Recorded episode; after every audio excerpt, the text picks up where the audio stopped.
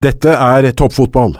Hvorfor ler dere hver gang jeg prater opp til Obos? Nå må dere ta dere sammen, alle tre. Jeg mener har fått det laget til å overprestert noe så inn i gamperæva. Spill 23 minutter, 4-0.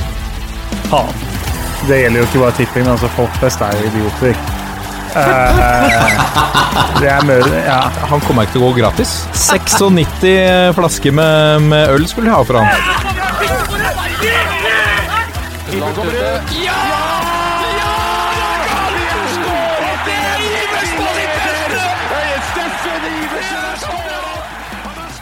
Og der er uh, toppfotball tilbake uh, igjen.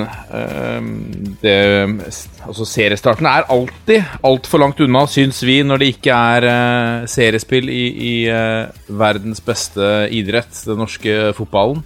Men det virker som den kommer bare lenger og lenger unna nå. Altså, den Vi så den like foran oss, og så blir den bare lenger og lenger unna, som en slags gulrot. Vi er en hest og en slags gulrot som henger dinglende foran oss, og så kommer vi aldri liksom vi, vi, får aldri tatt en bit, da. Det blir bare skyvd lenger og lenger foran oss.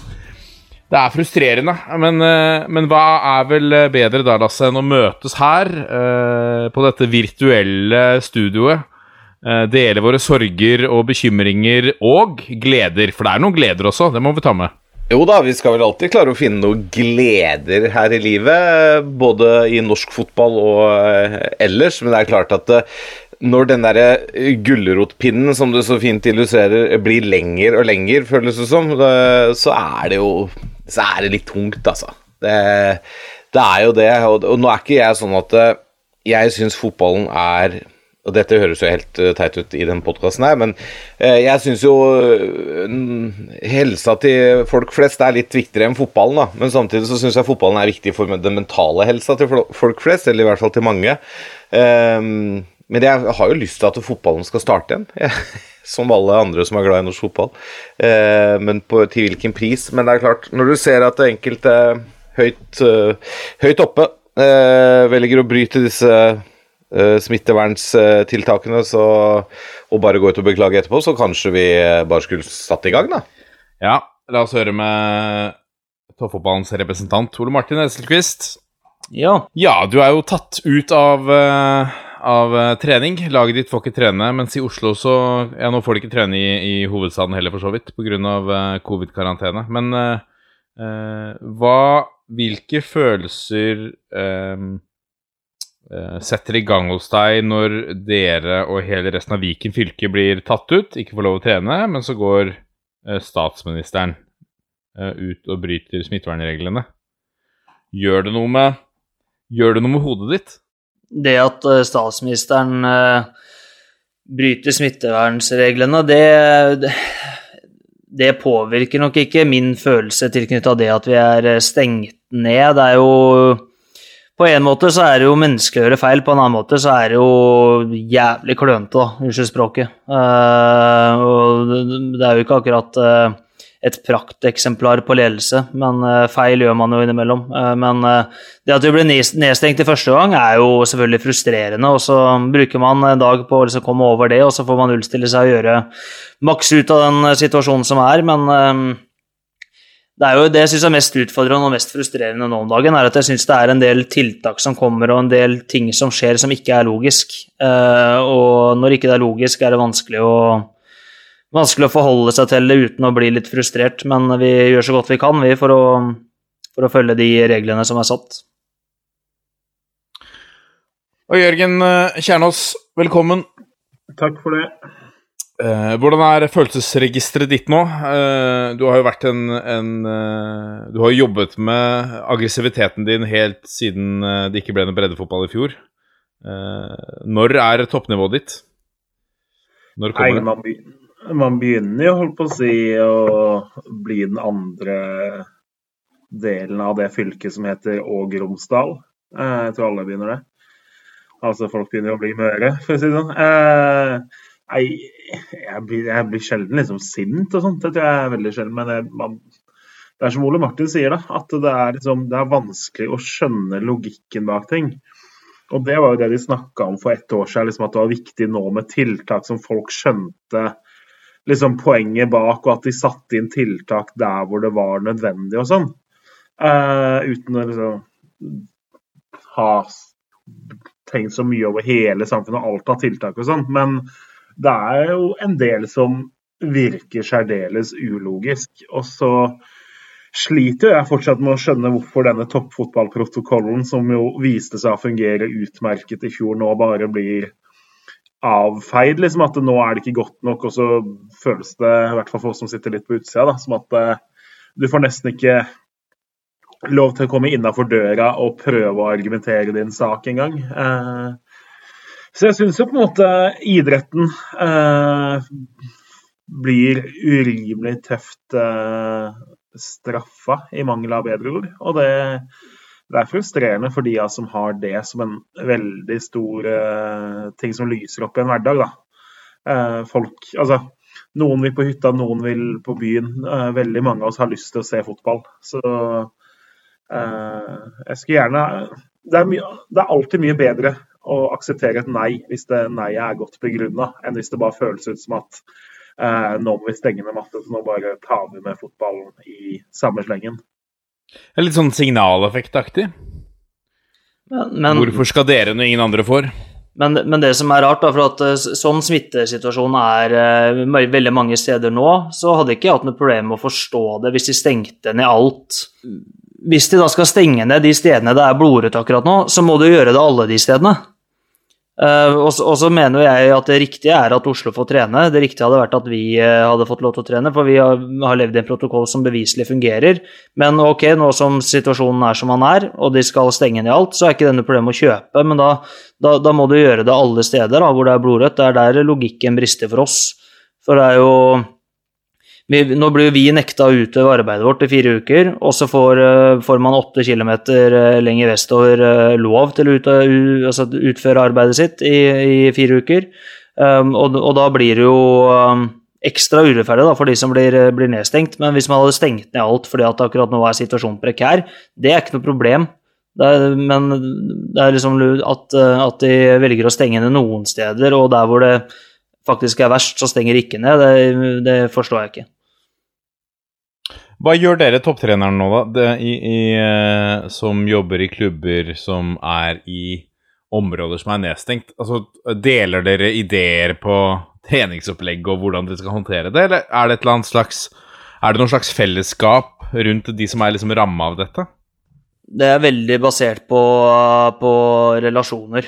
Så mm, jeg um, snakka med LSK og et par andre klubber, som 08 bl.a., hvor jeg kjenner folk som driver med ting, og, og delt en del ideer og tanker der. Og så er det noen klubber som ikke ønsker å dele, og det også er helt fair. Det får være, være opp til de, men vi ønsker å dele det vi driver med, hvis noen er interessert i det, og så er vi glad for at andre også vil dele. Uh, vi, vi tror at, at, eh, det at man deler, det er jo ikke bare situasjonen her, men det at man deler kunnskap og, og erfaringer med hverandre, gjør at norsk fotball blir bedre. Så, men det er dessverre veldig avhengig av relasjoner. Det er ikke noe system for det. Det er litt sånn hvem kjenner hvem. Ja. I uh, denne sendingen skal vi uh, ta for oss uh, en, et forslag til en, en, en boikott med, med, Oslo øst som, som, avsender i retning Bodø. vi skal snakke litt om landslagstroppen og den nye landslagskapteinen, og takke av den gamle, som seg hør og bør. det har kommet litt, et par nye overganger i i Eliteserien som vi bør uh, snakke litt om. Um, på fotballtinget så ble det stort fokus rundt spesielt to saker. Det ene var Qatar, det andre var et forslag fra Vålerenga om at rasisme skal anmeldes. Uh, vi må touche innom Moldes nye superstjerne David Fofana. Uh, og vi har noen lyttespørsmål. Og ikke minst, Jørgen Kjernholt, vi har en ordentlig godbit i, i Breddenytt der. Ja, den er, den er bred, kan vi vel eh, si, på en måte. Men nå er det klart for ukens tulipan og kaktus. Nå må de faen meg skjerpe seg, så kommer jeg å rive hodet av hver enkelt av dem.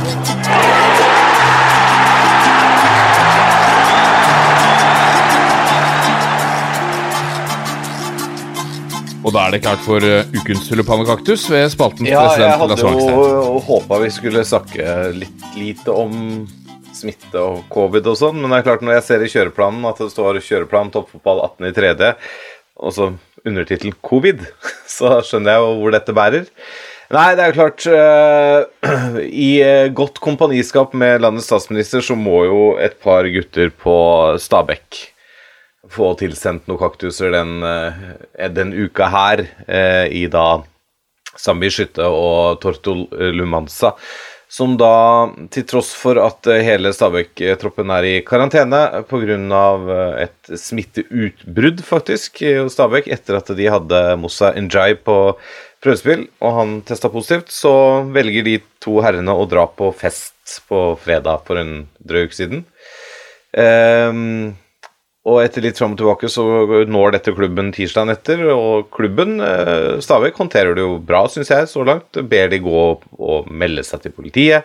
Og er ganske harde i klypa med det, og de, til slutt så går de ut og legger seg flate, da. Og det er jo åpenbart det som er, er veien å gå hvis du driter deg ut eh, med smittevernrestriksjoner nå. Det er å legge seg flat i etterkant, så går ting over. Men det, altså, det er så det er så svakt. Uh, nå har fotballen vært så flinke så lenge med å håndtere dette her og disse protokollene, levd i en boble i nesten et år, og dette kan jo Ole Martin uh, sannsynligvis bare bekrefte.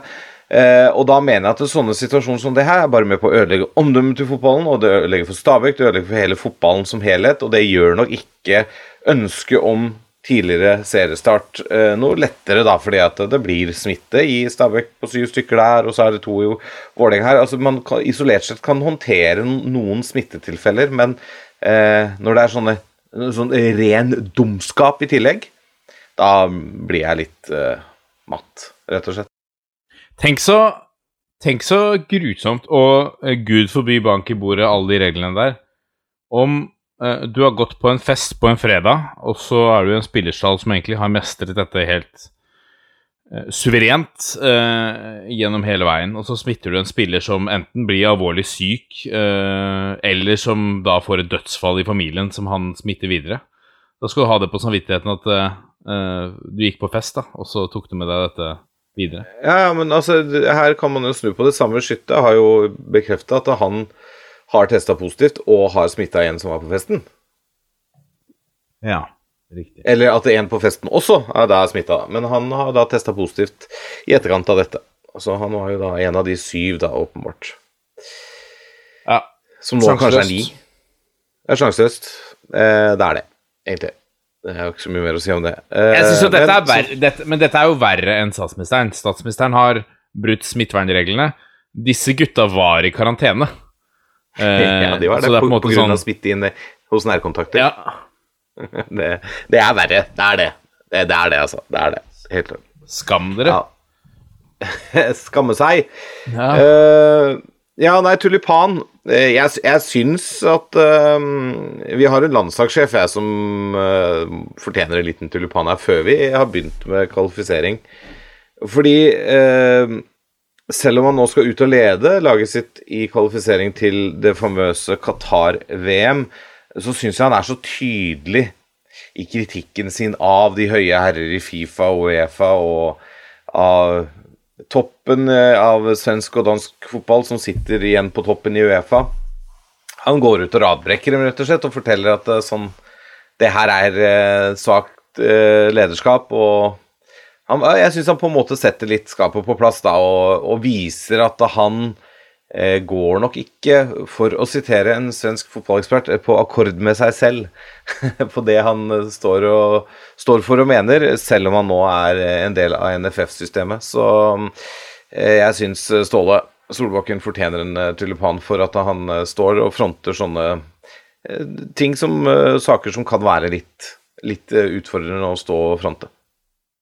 Det var helt det må jeg si, det var helt nydelig å høre en, en eh, NFF-representant som faktisk var litt åpen og ærlig, snakka litt rett fra levra og turte å mene noen ting. Og turte å faktisk si kanskje det som alle ser, og som mange føler, og sette noen ord på det, også fra det holdet. Det er uvant og, og, og litt sånn befriende å høre.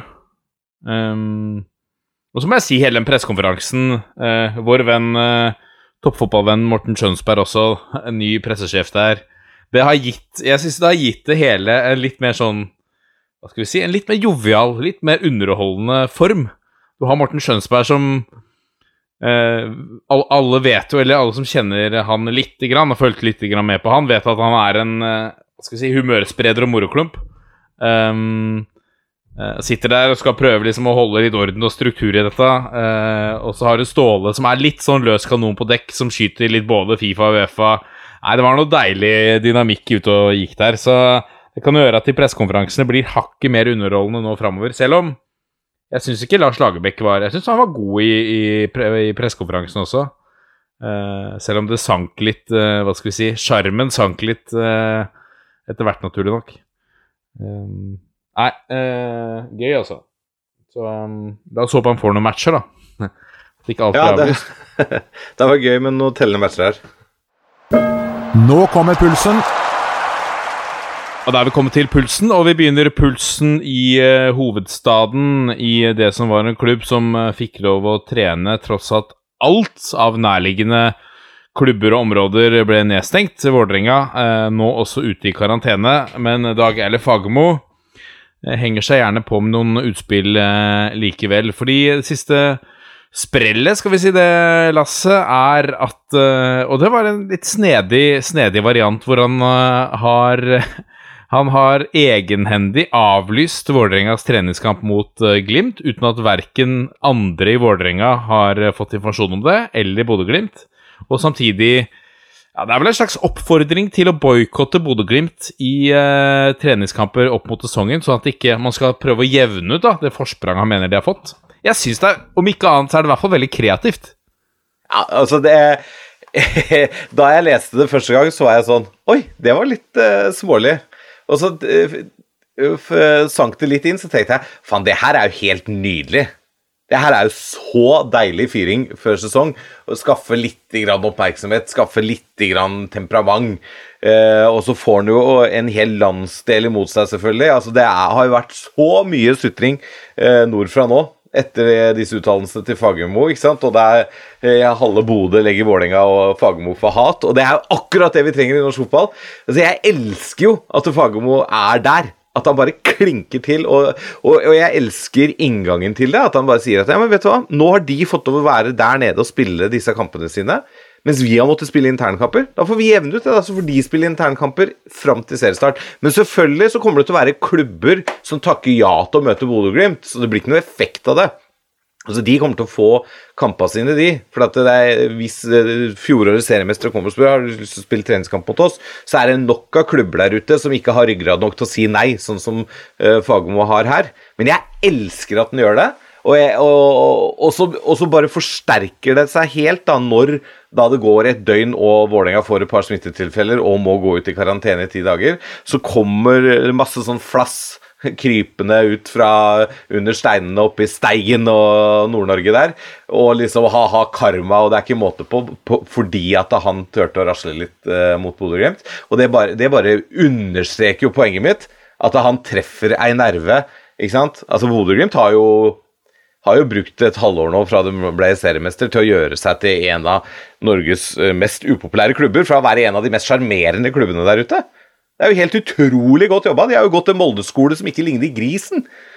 Eh, og så i tillegg, da, så kommer jo Erling Mo og liksom skal støtte Bodø-Glimt på toppen her. Det var en som skrev på Twitter ja, Jeg håper jeg tok skjermdom, for den er jo helt nydelig. Eh, jeg må bare ta den. Eh, jo, Magnus Angeltveit. Det er helt utrolig hvordan Molde FK klarer å havne på feil side i absolutt alle problemstillinger. Fascinerende klubb. Så følger Emil Almås opp. Det der klarer de faen meg hver gang. Husker da RBK planla treningsleir i Dubai for noen år siden? Da gikk Molde ut og støttet RBK. Ca. ti minutter senere ble turen avlyst av åpenbare grunner. Selv der klarte Molde å ende opp som tapere. så det, det, er sånn Nei, altså, så jeg syns Fagermo er helt nydelig eh, når han går ut sånn, selv om jeg opprinnelig tenkte ja, litt smålig, men veldig, veldig gøy, da. Hva tenkte du, Ole Martin? Nei, Jeg er jo enig med Lasse i at vi, vi, vi, trenger jo folk som tør å fyre litt i norsk fotball. Det er bare helt nydelig. Og det har jo Fagermo gjort i mange år. Han skaper engasjement, og han eh, skaper litt, eh, litt, eh, fighter mellom klubber og trenere og ting og tang. Nå har han jo plaga Molde i snart eh, ti år med kapital og ting og tang, og nå er han på Glimt, da, så han finne seg noen nye. Men uh, jeg, jeg synes jo det er jeg synes jo det er en barnslig reaksjon at du liksom skal avlyse en treningskamp og ting og tang. For det hadde vært urettferdig for Glimt om det hadde blitt i Norge, for da hadde ikke de fått trent. Men det er fint at det er litt, er litt fyring. det er sånn det skal være.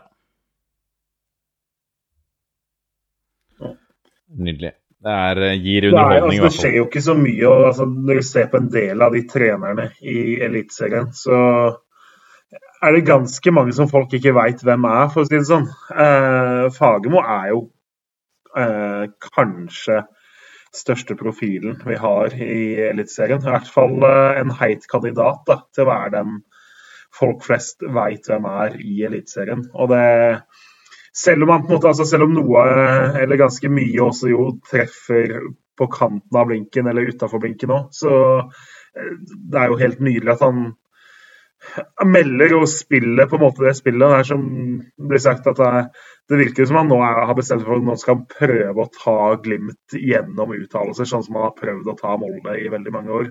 Eh, han er jo mer kalkulert enn han kanskje framstår for noen, for han framstår litt som sånn løskanon og sitatmaskin, men jeg er ganske sikker på at mye av dette har han tenkt godt igjennom og på en måte veid eh, for og mot før det blir sagt. da.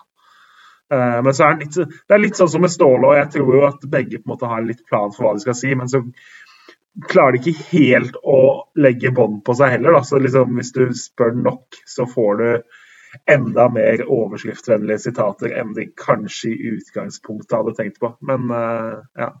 Jeg liker jo, selv om det det er definitivt smålig og litt barnslig òg, men litt barnslighet og litt melding, det, det trengs det òg, altså.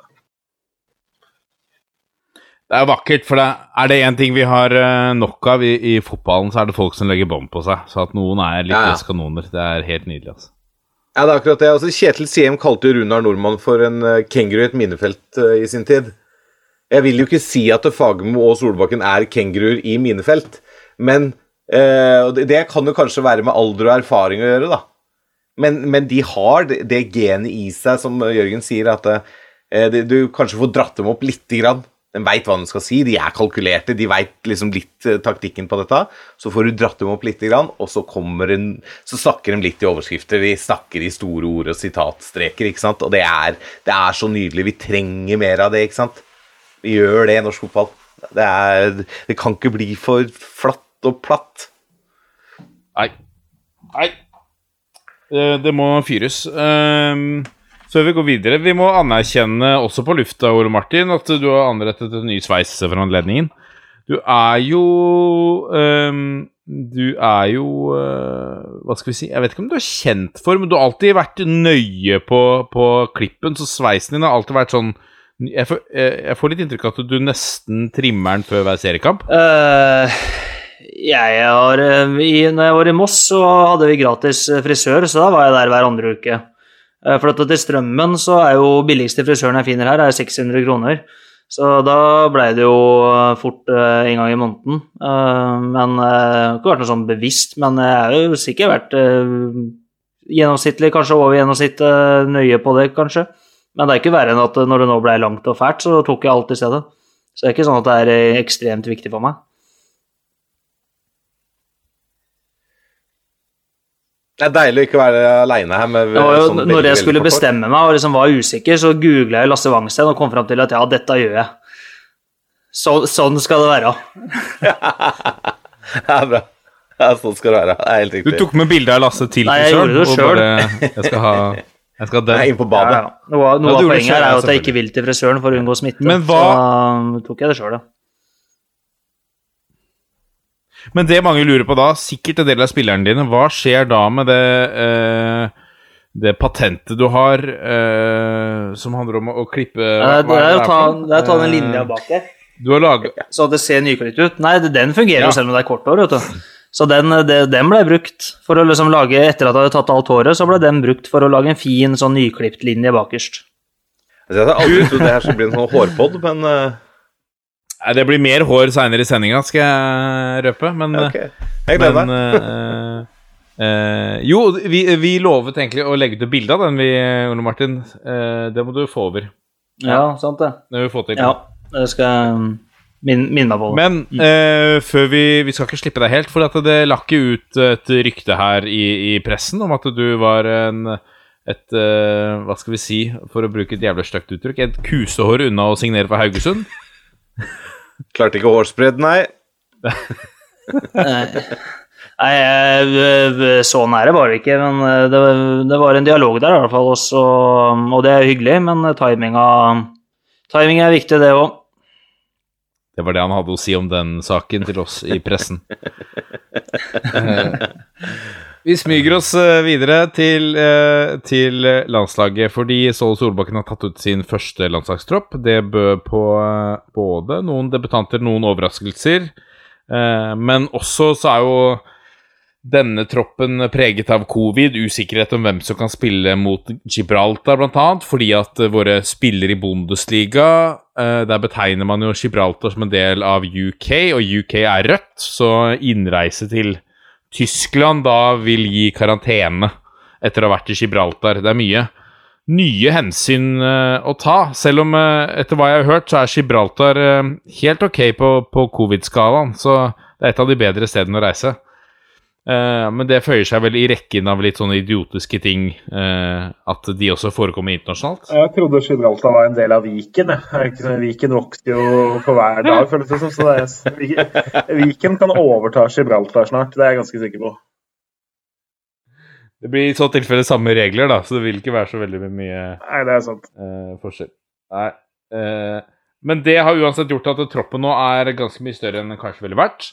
Eh, det er jo uansett alltid gøy, fordi for uh, hele det norske folk som tok og trykket nødlandslaget til sitt bryst, så ser vi jo flere av disse som har kommet inn her, men da gir også rom for et par nye. Men uh, Lasse, før vi skal snakke om troppen, så må vi også takke av vår landslagskaptein, som meddelte i forkant av dette at han gir seg på landslaget.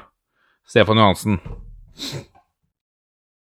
Ja, det er jo øh, Hva skal vi si Han har vel ikke vært en kaptein helt fri for kontroverser, han heller. sånn som sin forgjenger. Uh, men jeg syns jo ikke det er hans skyld. Altså Det er, mener jeg er i stor grad uh, trenerens skyld. Altså Både Per Siljan Skjelbred og Stefan Johansen er jo sentrale midtbanespillere som har blitt brukt mye på kanten på landslaget. Uh, hvor flere enn meg tror jeg har stussa på det og tenkt har vi ikke bedre venstrekanter enn disse alternativene her? Eh, og er det sånn at de må spille for enhver pris? Og så har det ve veldig ofte vært at både han og Skjelbred blir bytta ut etter 60 minutter. Jeg mener jo kapteinen du velger, skal, skal stå 90 minutter hvis ikke det er noe helt ekstraordinært som skjer, da. En kaptein skal stå på banen hele kampen. Er, mye, det er min mening, og så får uh, treneren uh, til venstre for meg da, være uenig eller enig i i hvordan man håndterer kapteinsrollen. Eh, men det er klart, altså har, eh, vi har ikke kommet til noe mesterskap nå heller, men eh, å spille 55 kamper med flagget på brystet, det krever applaus, det. Det er ikke alle som får oppleve så mange kamper. Det er seks mer enn Lars Bohin, blant annet, som har sparka Norge til mesterskap. Uh, han skulle i hvert fall hatt én til, kanskje, men uh, nok om det, si. Men uh, nei, altså, jeg syns um, Stefan Johansen er en sånn spiller som jeg tenker er godt å ha på laget sitt, og litt, kan være litt vondt å ha på motstanderlaget. Uh, sånn passe avtale ute på banen av og til, og så er han en sliter. Eh, så jeg har, jeg har, ikke noe vondt å si om Stefan Johansen. Eh, det der er, er bruken av Stefan Johansen på landslaget. Ja, og jeg, jeg, må henge meg på der, fordi jeg syns jo du sier det veldig godt. da. Det er jo, Han har jo fått Stefan Johansen har fått veldig mye kritikk og veldig mye tyn, og det har vært flere som har ønska at han ikke skal med en som han har hatt på sin side, sånn sett. Men så er det jo treneren som putter den Det er for det første treneren som som setter ham på kant, uh, og, og, treneren som uh, i det hele tatt uh, altså plukker ut laget. han har vel også startet noen kamper han kanskje ikke skulle startet, så, så, så, det er jo ikke Men Stefan Johansen gjør jo en jobb som Stefan Johansen alltid gjør.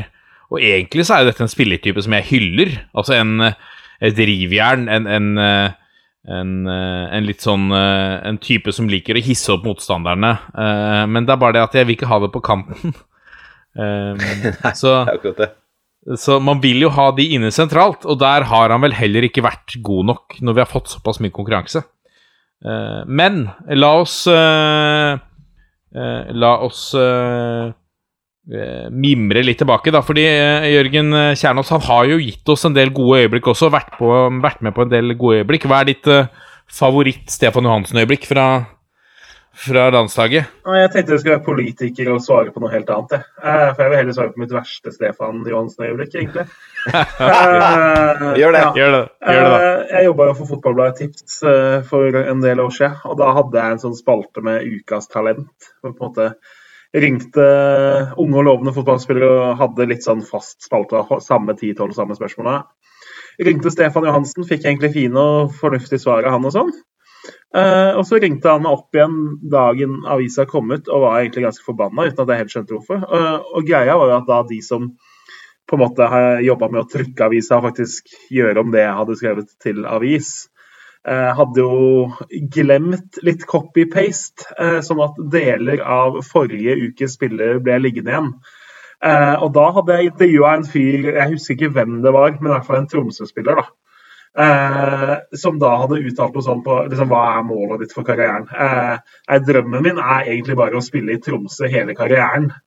Eh, og det, det, det, så jo ikke kjempestilig ut for eh, Bodø-Glimt-spiller Stefan Johansen med det sitatet på trykk. Så, så, det er i hvert fall mitt tydeligste Stefan Johansen-minne. Det må jeg si. Å, herregud. Det husker han sikkert ennå. Ja, jeg, jeg, husker det. Det var veldig pinlig. Og så er det jo litt det du snakker med en fyr du har intervjua, så vet du det er ikke du som har driti deg ut, men du må jo på en måte beklage deg som at det er du som har driti deg ut uh, likevel. Å, herregud. Det er vondt. Ja, det var, det var vondt. Ja. Den, eh, den unna jeg deg ikke, Jørgen. Men gøy at du deler. men får jeg lov å bare si en ting, og dette er spekulativt, jeg vet det, men det, eh, Stefan uttalte jo før jul han var motivert, skulle, hadde lyst til å være kaptein. Han fikk skifta klubb, begynte å spille og sånn og sånn. Og så kommer det rett før ny landslagstropp at han legger opp som kaptein. Har han fått et signal her om at eh, han ikke blir tatt ut i troppen? Er det derfor det kommer, nå? For den timinga virker jo nesten for god til å være sann. Han må jo ha fått et signal fra Ståle om at eh, du, den gangen her er du ikke med, eller at eh, du, det kapteinspinnet går til noen andre, og du er ikke bankers på laget lenger. Tenker jeg, da. Jeg vet ikke. Det er spekulativt mulig. Jeg tenker selvsagt er det det som har skjedd. Det er bare å ja, lese fint. mellom linjene, tror jeg, på Du leser hvordan Ståle uttaler seg, så sier han at årsaken til at Stefan Johansen skal gi seg, det, det, det tar Stefan selv. Så, så, det er liksom en del sånne ting som man kan plukke opp.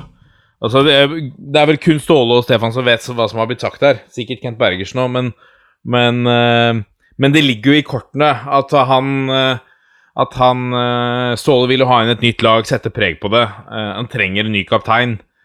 Um, og så gir han Stefan en mulighet til å eie historien selv, som jeg syns er, er, jo veldig bra av Ståle. Uh, hvis det er det som har skjedd.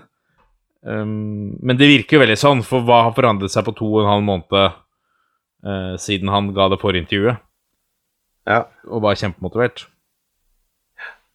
Ja. Det, hva, tenk, hva tenker du, Jørgen? Jeg syns noe av det Ståle sa da han fikk eh, de spørsmålene, jo antyder det at i hvert fall eh, kapteinspinnet var nok tenkt et annet sted. Eh, og så hadde nok Stefan potensielt kunne komme med i en tropp, men det er jo litt om at eh, Ståle sa at han hadde i hvert fall ikke vært vurdert på en kantplass. Det hadde jo vært sentralt han eh, skulle vurderes. Eh, og der har vi jo tross alt ganske mange ganske spennende spillere i alderen 19 eh, til 25 år på vei opp, liksom. Da. Og da er det jo naturlig at en landslagssjef altså Du velger jo en 25-åring foran en 30-åring hvis det er helt jevnt spillemessig og du vil bygge ditt eget lag, tror jeg han tenker, selv om du vil ha noen rutinerte òg. Så jeg tror nok på en måte han har fått signaler som har bidratt ganske sterkt til den avgjørelsen. Uh, og så tror jeg også Han ser litt på, altså han har jo fått en veldig god start i QPR, og i championship så er han jo konge. Jeg tror også han har tenkt liksom at nå Han har vel to unger, og han har endelig en klubb han spiller fast for å gjøre det bra for. Eh, at kanskje det er viktigere da, enn å fortsette i en landslagstropp når du går fra å være kaptein til å være på en måte én i mengden, potensielt. Så, så, jeg skjønner jo avgjørelsen sånn sett òg. Hva med deg, Ole Martin? Har du et uh, spesielt uh, Stefan Johansen-minne? Har du forsøkt å signere han til, til Moss, f.eks.? Nei, jeg har aldri prøvd å signere han. Men uh, han var jo godset når jeg var flue på veggen der. så det er ikke noe sånn spesielt minne, men det er sånn jevnt over. Sånn tidlig i min trenerkarriere, en av de mest profesjonelle, hardtarbeidende spillere jeg fikk oppleve. Uh, skjønner at han ble god. Han jobba knallhardt. Uh, sto igjen hver dag etter trening og terpa på detaljer. og Var interessert i faget og gikk, uh, gikk foran i, i, motgang og lot de andre sine i medgang. Um, og det synes jeg jo egentlig han har gjort i landslagsperioden òg. Han har tatt støyten når det er han som kaptein som skal ta han. Eh, og når landslaget har gjort det bra, så har han krevd lite plass. Eh, så jeg syns han har fått ufortjent mye tyn, for det som dere har vært inne på, det at han har måttet spille i andre posisjoner og sånn, det er ikke han som bestemmer. Men han har gjort sitt beste hele tida. Så mm, jeg syns det er litt synd at han gir seg på, på, landslaget. Jeg tror jo man fortsatt kunne fått bruk for han, eh, spesielt nå som han spiller mye på et bra nivå, men han har, har hatt en fantastisk karriere og er fortsatt i den karrieren. En idrettsutøver jeg har stor respekt for. Ja, absolutt.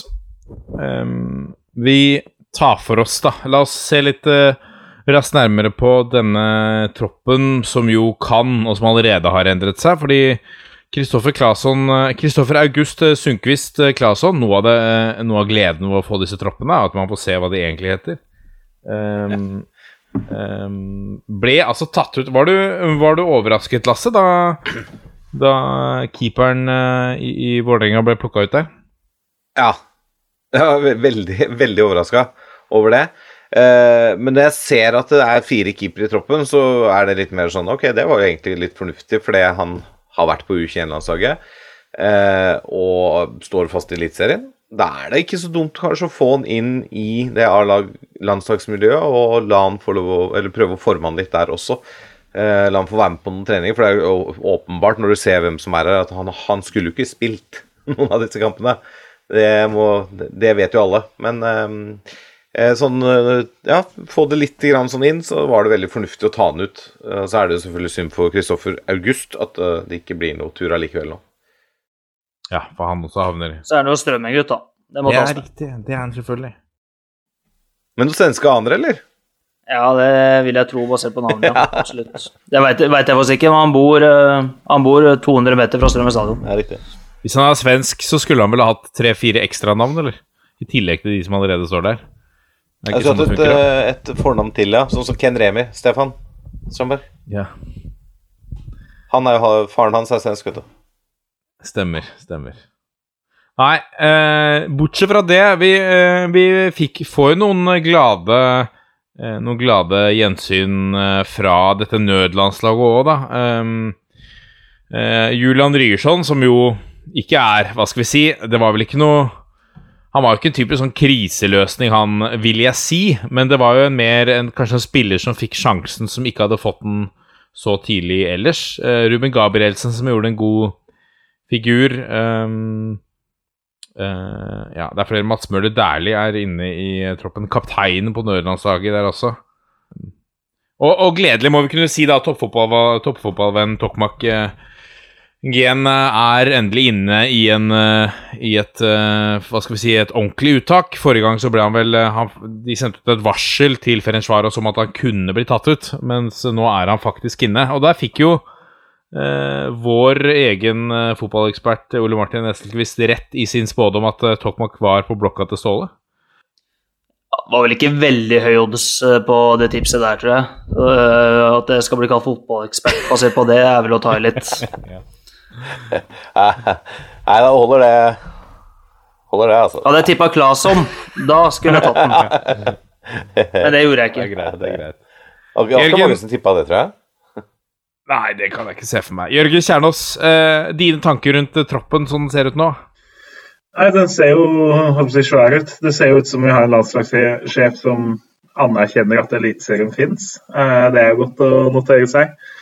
Eh, så er jo, Det handler jo om to ting, eller egentlig tre ting. Det handler jo én om de her karantenereglene som gjør at du vet ikke om du får brukt alle. Eh, da troppen ble tatt ut, så var jo også planen at Eliteserien skulle starte såpass tidlig at uh, hvis eliteseriespillerne med på siste kamp, så kan, kunne det hende de måtte stå over da første eliteserierunde. Så det var jo også en av faktorene.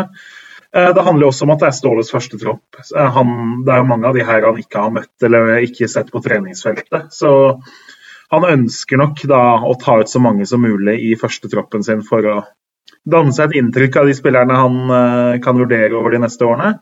Uh, og så handler det jo om at det er tre matcher på seks dager Nei, på ni, ni dager, da. Så Nei, på seks dager blir det.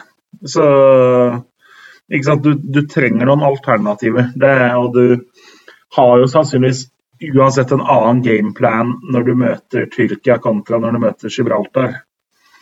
Så jeg tror uansett at man kanskje hadde tenkt på å rullere litt i den første matchen mot Gibraltar. Og i hvert fall spart noen da, som ikke var helt 100 eh, i de kampene.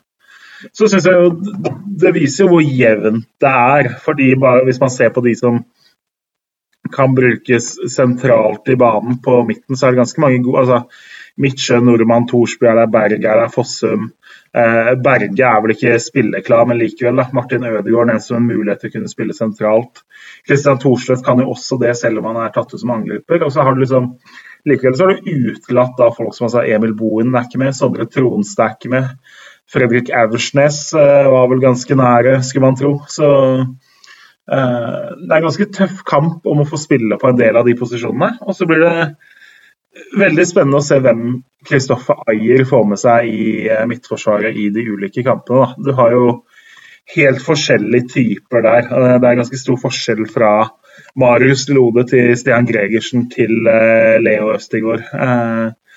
Som jo står med den nette sum av null landskamper til sammen, de tre. Og så har Ruben Gabrielsen spilt denne nødlandslagskampen. Så vi har på en måte du har fire stoppere som til sammen har én landskamp, og så har du da Strandberg og Ayer i tillegg. Så uh, akkurat det er jo den plassen det kanskje knyttes størst spenning til, tenker jeg da. Fordi uh, hvem, det er så åpent hvem som skal bli Ayer sin partner der.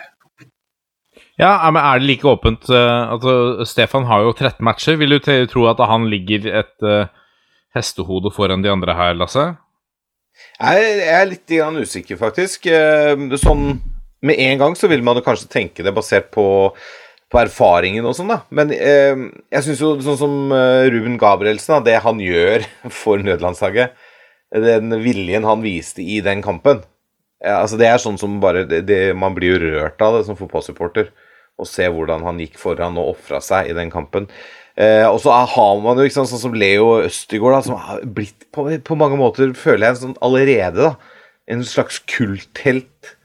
Både i St. Pauli der og, og sånn han holder på England. Og, og han, han, melder litt, han òg. Han melder jo sjøl at han er mannen. Han sier, går rett ut og sier det. Jeg, jeg liker jo det, da at det er litt uh, cockiness. det er altså, I mangel av et bedre norsk ord akkurat nå. Litt kjepphøy. Og det, jeg liker det. Uh, så det er jo noen um, spennende folk å ta her. Og så har du jo sånn som Lode og Gregersen, som har, gjort det mer enn godt nok uh, her hjemme i det siste, og delvis også i Europa. Så det, er en, det er kjempevanskelig, tror jeg, for Ståle Solbakken å velge Ayers makker. Eller er han helt gæren, og så velger han to i et helt nytt par? Altså Tenk om Ayer blir vraka. Nei, han blir jo ikke det, men uh, det kan jo hende at Ayer får hvile da, i f.eks. den første kampen. Det er mulig. Ja. Hva tenker du, Ole Martin? Det er en fresk angrepsrekke der, og uh, må jeg si, altså den ser jo bedre ut enn Når er forrige gang vi kunne skilte med, med de klubbnavna, for det første, og med kanskje de kvalitetene? Nei, det er jo absolutt spennende offensivt. Sånn så umiddelbart når jeg så den troppen, så tenker jeg at her er det tatt ut en tropp som kan spille med trevekslinje. Eh, at de vurderer det som et alternativ. Ehm, så det ser jeg ikke helt bort fra at de, om ikke, de, om ikke det blir hovedformasjonen med en 3-5-2, 3-4-3, så, så ser det ut som at de i hvert fall vil at det skal være et alternativ. For de har jo også det er klart at Hvis du f.eks. mot Tyrkia bestemmer deg for en kampplan på å legge deg litt lavere i en, en 5-4-1, og så kan du da ha type Jens Petter Hauge og Tokmak på hver sin kant, og så kan du ha Braut Haaland på topp, så får du litt kontringskvaliteter inn i det laget der. Da kan du velge å ha Birger Meling på venstresida sammen med Hauge, f.eks. Så kan Hauge vandre litt inn i banen, Meling kan gå opp. altså Det er jo Jeg, jeg syns det er et, et, et, en tropp som tyder på at de i hvert fall vurderer Trebekslinje her. For det er seks stoppere med òg, og det er en del sentrale spillere, så de har muligheten til å spille både med to sittende og én sittende. De har uh, muligheten til å spille med to og tre sentralt i banen. Uh, de har tatt en tropp som gjør at de kan spille med to på topp og tre på topp. Så det er en tropp som uh, Det blir veldig spennende å se hva de tester ut, og hva de gjør de to første kampene. Nå er det jo kanskje Gibraltar-kampen som blir mest testing, definitivt. men det blir interessant å se. De har litt muligheter med denne troppen her. Ja, absolutt. og det er jo Det slår meg at Eh, det er tatt ut ulike typer her for, å, for, nettopp det å teste ulike formasjoner. Det er jo interessant at det har ikke slått meg egentlig i, i det hele tatt at vi kan se en, en trebekslinje på, på, landslaget. Det er en stund siden sist, Lasse. En trebekslinje, det er vel ikke skjedd uh ja, har det skjedd? Har det? ja, Drillo starta vel Hadde jo en del 3-5-2-matcher vel i starten, hadde ikke det? I hvert fall. Ja, han hadde kanskje det, ja. Jeg eh, mener det, altså. At han i hans første år, ganske tidlig på 90-tallet, så så du 3-5-2 en del. Uh, jeg var jo og så første kampen til Drillo på Bislett. Da quiz, hvem var det mot? 6-1 mot Kamerun. Ja, det er riktig. Må ikke ha fotballquiz med Jørgen Kjernås eh, i panelet, vet du. Det, det, blir så stygt for dere andre. Eh, men det, det, kan godt hende at de spilte 3-5-2 da, altså. Det, jeg, jeg, var ikke kjempegammel. Rune Bratseth skåra det første målet etter 15 minutter. Skal vi se her. Eh, laget var også Thorstvedt, Halle, Pedersen, Bratseth, Nilsen Erik Pedersen, Ta det litt rolig, da. Vi må jo mimre når vi har mulighet her, da. Ja, ok. ja, okay. Eh, det var da på eh, Bislett stadion. 8200 tilskuere 31.10.1990. Oi, det er bare halvfullt? Kamerun Ja, halvfullt. Kamerun hadde jo akkurat uh, blendet en hel fotballverden i fotball-VM, med anført av Roger Milla. Danset seg inn i fotballhjertene til et helt uh, Til alle som én. Uh, ja, Norges startelver. Og da, på den tiden, så spilte man med 1 til 11. Å ja, gjorde vi det? Glad, gjorde det, i ah, hvert fall i den kampen her. Erik Thorstvedt var keeper. Uh, klappe? Halle Nei, vi skal ikke glemme på det. Gunnar Halle, Tore Pedersen, Rune Bratseth, kaptein. Roger Nilsen, Erik Pedersen spilte. Per Egil Alsen. Wow. Øyvind Leonardsen var med fra første, gang, første kamp. Lars det er Alsen som har det sinnssyke frisparket, ikke sant? Fredrikstad? Ja, ja, ja. Stemmer det. Lars Roar Bohinen var med som uh, spiller nummer ni og skåret et mål. Tore André Dalum starta. Han skåra et mål, og Gøran Sørloth starta og skåra et mål. I tillegg så ble da Jan Halvor Halvorsen, toppfotballvennen, bytta inn. Det ble også Stig Inge Bjørneby og Jan Åge Fjørtoft, som da kvitterte med to skåringer etter han ble bytta inn. Jeg fant, fant, fant uh, dette burde uh, I sju av de ni første kampene med Drillo spilte landslaget 3-5-2. Og så bytta man mot Nederland i 92, hvor det ble utspilt. Og uh, da la han til 4-5-1. Og så hadde man noen 3-5-2 mot svake motstandere etter det, men 4-5-1 var på en måte kommet for å bli nesten utelukkende siden da. Men ja det må jo være siste gang vi hadde det som default formation. Altså, det er jo andre som har lagt om til trebecks når det har ligget under en kamp og trengt mål på slutten, og sånt, men det blir jo noe helt annet. Så, så, nei, du skal 30 år tilbake i tid, mener jeg. Ja, for jeg, jeg, liksom Umiddelbart så tenker jeg når de snakker ok, trebekslinje i landslaget Jeg tenker liksom Nei, det er litt moderne for vårs. Vi skal ha fire bak der, vi. To store, sterke stoppere, vi også. Det er sånn vi spiller her. Eh, men nå skal vi altså begynne med trebekslinje og det moderne flåseri-greiene der. Nei, det blir, eh, det blir spennende. Ehm, det som Du vil ha tilbake Lagerbäck, du, altså? nei, nei, det vil jeg ikke. Jeg vil ha Pep. Pep Guardiola inn som landslagssjef. Ha. Inverterte bekker. Det har jeg lært av deg, Ole Martin, at de spiller med. Inverterte bekker. Ja, det er uh, fancy. Er det noe greier for uh, Ståle? Inverterte?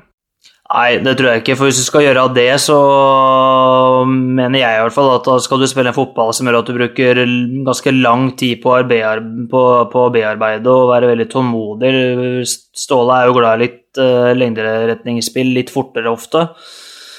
Um, og da Det er klart du får jo bekka inn i banen når du skal stå i balanse i gjenvinningsfase, men uh, i det etablerte angrepsspillet så ble jeg overraska hvis, uh, hvis Meling og Svensson uh, plutselig er inne som sentrale midtbanespillere der. Vi må, Før vi går videre, må vi ta for oss vi har fått en ny landslagskaptein. litt overraskende for noen, men han fikk jo også sin egen pressekonferanse til å presentere seg selv. Martin Ødegaard Um, 22 år, kaptein på landslaget. Han er jo, som Ståle sa selv, han har jo allerede opplevd mer enn mange gjør i sitt fotballiv. Han har vært syv år fotballproff. Seks år, kanskje. Um, uh, og er jo en, uh, en uh, Har jo alltid vært en litt sånn en lun, rolig type, men fremstår som en veldig sterk sterk figur i den troppen. Jeg kan se for meg at det der eh, Han møter ikke mange hvis, hvis, Martin forteller deg hva du skal gjøre, så er det ikke mange som protesterer mot det. Er det Tror du jeg har riktig i min, eh, mine tanker der, eh, Jørgen Kjernås? Ja, jeg tror ikke du er så langt unna. Så tror jeg jo, altså det er jo veldig forskjellig hva du legger i den kapteinsrollen. Eh, og Ståle var litt inne på det at det er, jo ikke alle spillere som trenger et kapteinsbind for å være leder. Det er ikke sikkert Martin gjør det heller. Eh, jeg tenker jo så Altså, jeg er jo litt sånn tradisjonell. Jeg vil jo ha den som er mest mulig Roy Keane, bør jo være kaptein på et fotballag, mener jeg. Altså, eh, den midtstopperen eller defensivt solide midtbanespilleren som er mest gæren, mener jeg per definisjon skal være kaptein i et lag. Eh, men det finnes jo veldig mange måter å se på det her på. Og jeg tror jo noe av tanken til Ståle er at liksom Martin Ødegaard har jo en ganske høy standing som på en måte fotballproff og som eh, utøver i den gruppa. da, eh, At du eh, Du trenger på en måte ikke putte Ayer eller Haaland putte på dem et kapteinsbind for at de skal stå fram på banen. Eh, så jeg tror du på en måte vil ha fram de tingene med en kaptein som Uh, som du ikke bare ser i to ganger 45, men også det andre som skjer, som er på en samling, og det som er utad uh, fra landslaget også. For det, ut fra min tanke om at skal ha den mest mulig Roy Keane-aktige figuren, så kan vi jo se at han har bomma. Så det er definitivt sånn at jeg og Ståle ikke tenker likt på, på, det punktet der, da. Men, men ja, man, man, så den jo ikke helt komme. Det var jo noen som tok til orde for Haaland. Eh, veldig mange trodde vel Ayer, egentlig. Eh, sånn utad så ser jo Ayer ut som typiske kaptein ut fra den litt tradisjonelle tankegangen. Men som vi var inne på med Stefan Johansen, det var viktig å finne en spiller som kommer til å være først, eh, fast i elveren i ganske overskuelig framtid. Og det må vi jo definitivt si gjelder denne gangen. Hvem ville du plukka ut i det? For det, det kom vi jo inn på. Og apropos, vi snakka om det tidligere i sendingen. En, så er en litt løs kanon. Det gleder meg å se at han kan lures ut på, på et par spørsmål der. Det bestilte spørsmål om hvem han skulle tenke, kunne tenke seg å ha med et kapteinsteam, og da sa han at det svarer jeg ikke på. Og så kom det oppfølgerspørsmål som sa at er Erling Braut Haaland et aktuelt tema? Ja, det vil jeg absolutt si, sa han uh, rett etterpå. uh, og det samme svarte han om Sander Berge. Så uh, hva var det han sa om Erling Braut? At du får vel ikke god odds hos Norsk Tipping hvis du, hvis du ønsker å plassere bedt om at han ikke er med i det teamet. Og det er på en måte Han sier, han sier lite, men ganske mye. Ole Martin, hvem ville du hatt av Hvis du ser på den troppen, hvem ville, hvem ville du hatt med i det kapteinsteamet? Du skulle plukke to til. Det er jo Jeg syns det er vanskelig å si, for jeg kjenner det jo ikke. Altså, jeg kjenner det gjennom å se de spille fotball på TV og live innimellom og um, gjennom media, men uh, jeg syns jo én i kapteinsteamet bør ofte representere rutine. Um, fordi at det er viktig med rutine i en prestasjonsgruppe. Uh, og den eneste som egentlig er rutinert her, er jo Jarstein. Det er jo også Av utespillere så er det jo King som har flest eh, landskamper, med 51, og det er jo, det er en veldig uerfaren tropp. Så jeg ville vel hatt med Jarstein der. Og så er jo kanskje som sagt Ayer en fremstår som en lederskikkelse og, og vil bli sterkere og sterkere, så kanskje de to. Så hvis vi vil ha en til, så kan det godt hende at Braut Haaland er en kandidat der. Hvis ikke Erling Braut Haaland hadde spilt, hadde vi da nevnt Joshua King som en helt naturlig mann i, i, i kapteinsdiskusjonen, i hvert fall i kapteinsteamet, Lasse? Ja, ja, hvis ikke han hadde konkurrert mot Erling Braut Haaland og Alexander Sørloth på spissplass, så kan det hende. Men det er jo det som er litt utfordringen for King nå, at han er jo ikke bankers en plass på landslaget lenger. Som han var for to-tre år siden. Da var det liksom det var han spilte spiss, ferdig snakka. Nå, sånn er det ikke lenger. Eh, og det viste, viste seg jo uh, på slutten av lagerbäck også. Og det tror jeg også kommer til å vise seg nå fremover. Eh, dessverre for King, men det er klart, når det er to yngre og sultne karer eh, som står og krafser på døra der, og han ene bøtter i mål eh, høyre, venstre og i midten hele tida, eh, uansett om det er Champions League eller Bundesliga eller landslaget, som han har seks mål på sju kamper på, så er det klart det er vanskelig å slå ut de kara der. Eh, i, hvert fall Haaland, da. Men eh, det er jo ja, jeg kommer ikke over altså, hvor gøy det er at vi har et, en sånn type spiller som er norsk, som flyr rundt og herjer i Europa nå. Er, jeg blir så glad. Ikke... da tenker du på Mats Møller Dæhlie? Ja, Mats Møller Dæhlie der, altså. Nei, på han uh, Haaland. Det er altså, det er så sjukt det han holder på med. Det, jeg får ikke sagt det nok, tror jeg. Nei, det er veldig uh det er veldig rart å se noen som plasserer baller på et sånn selvfølgelig nivå som det han holder på med. Nå, og da tar jeg gjerne og blir kalt for å ta på nisselua, altså. Når jeg sitter og skryter av Haaland. Det er helt greit. Ja.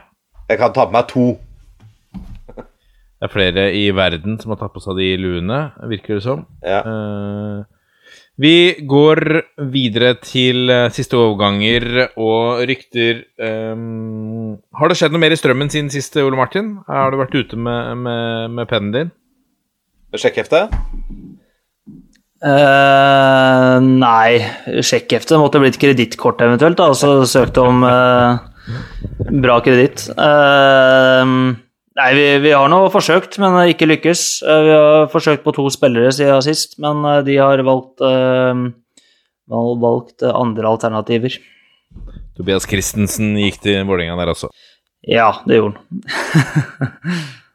um, Jørgen Kjernås, jeg var inne og skulle lese meg opp på de siste overgangene i Eliteserien fra et nettsted du administrerer. Det var oppdatert sist 13.1.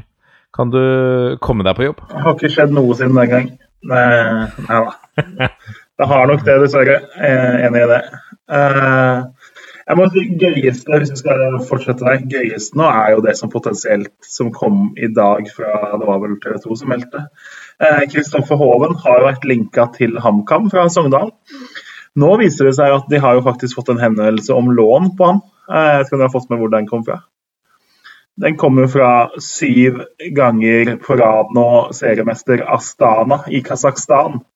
De ønsker å låne Kristoffer Hoven, og det høres ut som en tidlig championship manager hvor du liksom ikke hadde helt fintuna inn hvor klubber lette etter spillere, liksom.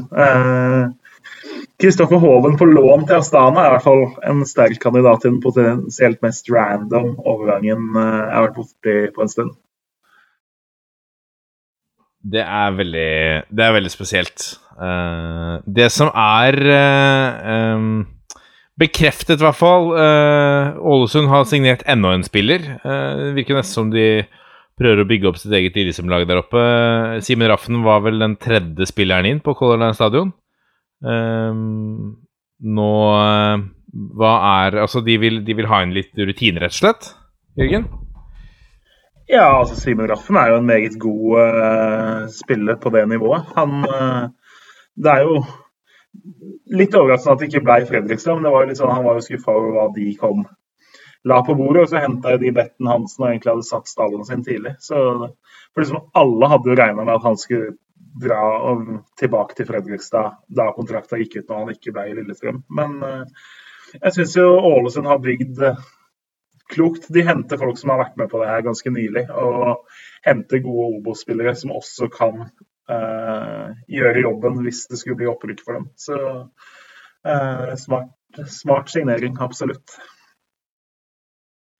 Og eh, en annen smart signering som blir trukket fram av mange, er Sondre Sørli fra Kristiansund til, til Bodø-Glimt. Ole Martin, hva tenker du om, om, den overgangen? Kjenner du godt uh, Sondre Sørli? Nei, jeg skal ikke si at jeg kjenner ham godt. Jeg har sett ham spille fotball uh, noen ganger, men ikke så mye at jeg kan være bastant på om det er bra eller ikke. Men det er jo en spiller som, som, som ja, har fremstått som ganske bra relasjonelt i Kristiansund. Bra tempo på han, gode ferdigheter. Han er glad i å utfordre, så sånn sett så passer han inn i Glimt. Og så er han jo Fordelen med å hente spillere fra Kristiansund er at de kommer da fra et miljø hvor det er populært å være god på trening. Det er populært å trene mye og tåle mye, og det passer bra i Glimt. fordi Glimt har jo trent seg til et seriemesterskap. og da må de ha spillere som tåler mye og som liker å trene. så Sånn sett så passer det jo profilen. Og Det handler jo mye om altså, De henter Aksel Lindahl fra DG Fors eh, som høyrekant nå. Han har jo eh, spilt de første kampene. Han har jo slitt med å gjøre seg bemerka. Og jeg har sett sittet og brukt uh, noen timer på å se litt av han, da. Uh, fordi når du henter erstatteren til Philip Sinkernagel fra nivå to i Sverige, en fyr som for to-tre år siden så spilte han på nivå tre i Sverige, og så har han rykka opp til nivå to. Han har stort sett spilt venstre wingback i uh. Når du henter han som Sinkelagel-erstatter, da blir jeg jo veldig nysgjerrig på, på hva Glimt driver med. Og så vet man jo at det de har gjort med Junker og Sinkelnagel og Laioni og mange andre, så skal man jo ikke undervurdere evnen og teften de har i Bodø. Men men akkurat Lindahl er jo definitivt ikke noen sinkernagel-type i det hele tatt. Han er lynrask. Han er en type som passerer mannen sin på utsida på rein fart. Eh, har et litt ureint, litt uryddig, litt tilfeldig sånn tilslag på ballen. Sinkenagel så ut som en sånn Fifa 20-spiller hvor, hvor du er du treffer den mannen du har tenkt å sikte på fordi spillet skal gjøre det gøy for alle å spille. på en måte. Eh, Lindahl er litt mer sånn løper forbi bekken sin og så slår han ballen litt ureint inn på første stolp, som er ganske lett å klarere. Eh, nesten ikke skåra mål. Han har skåra fire mål de siste fem åra. Han uh, har en del assist, men mye av det sånn jeg så på, han hadde ni assist i fjor. Og noen av de er fine. Liksom det er tre, fire, fem assist der som er du ser jo at fyren har noe, men så er det noen som er sånn ok, du spiller til en fyr på midtbanen som dribler tre mann og skyter i krysset. Eh, assist òg.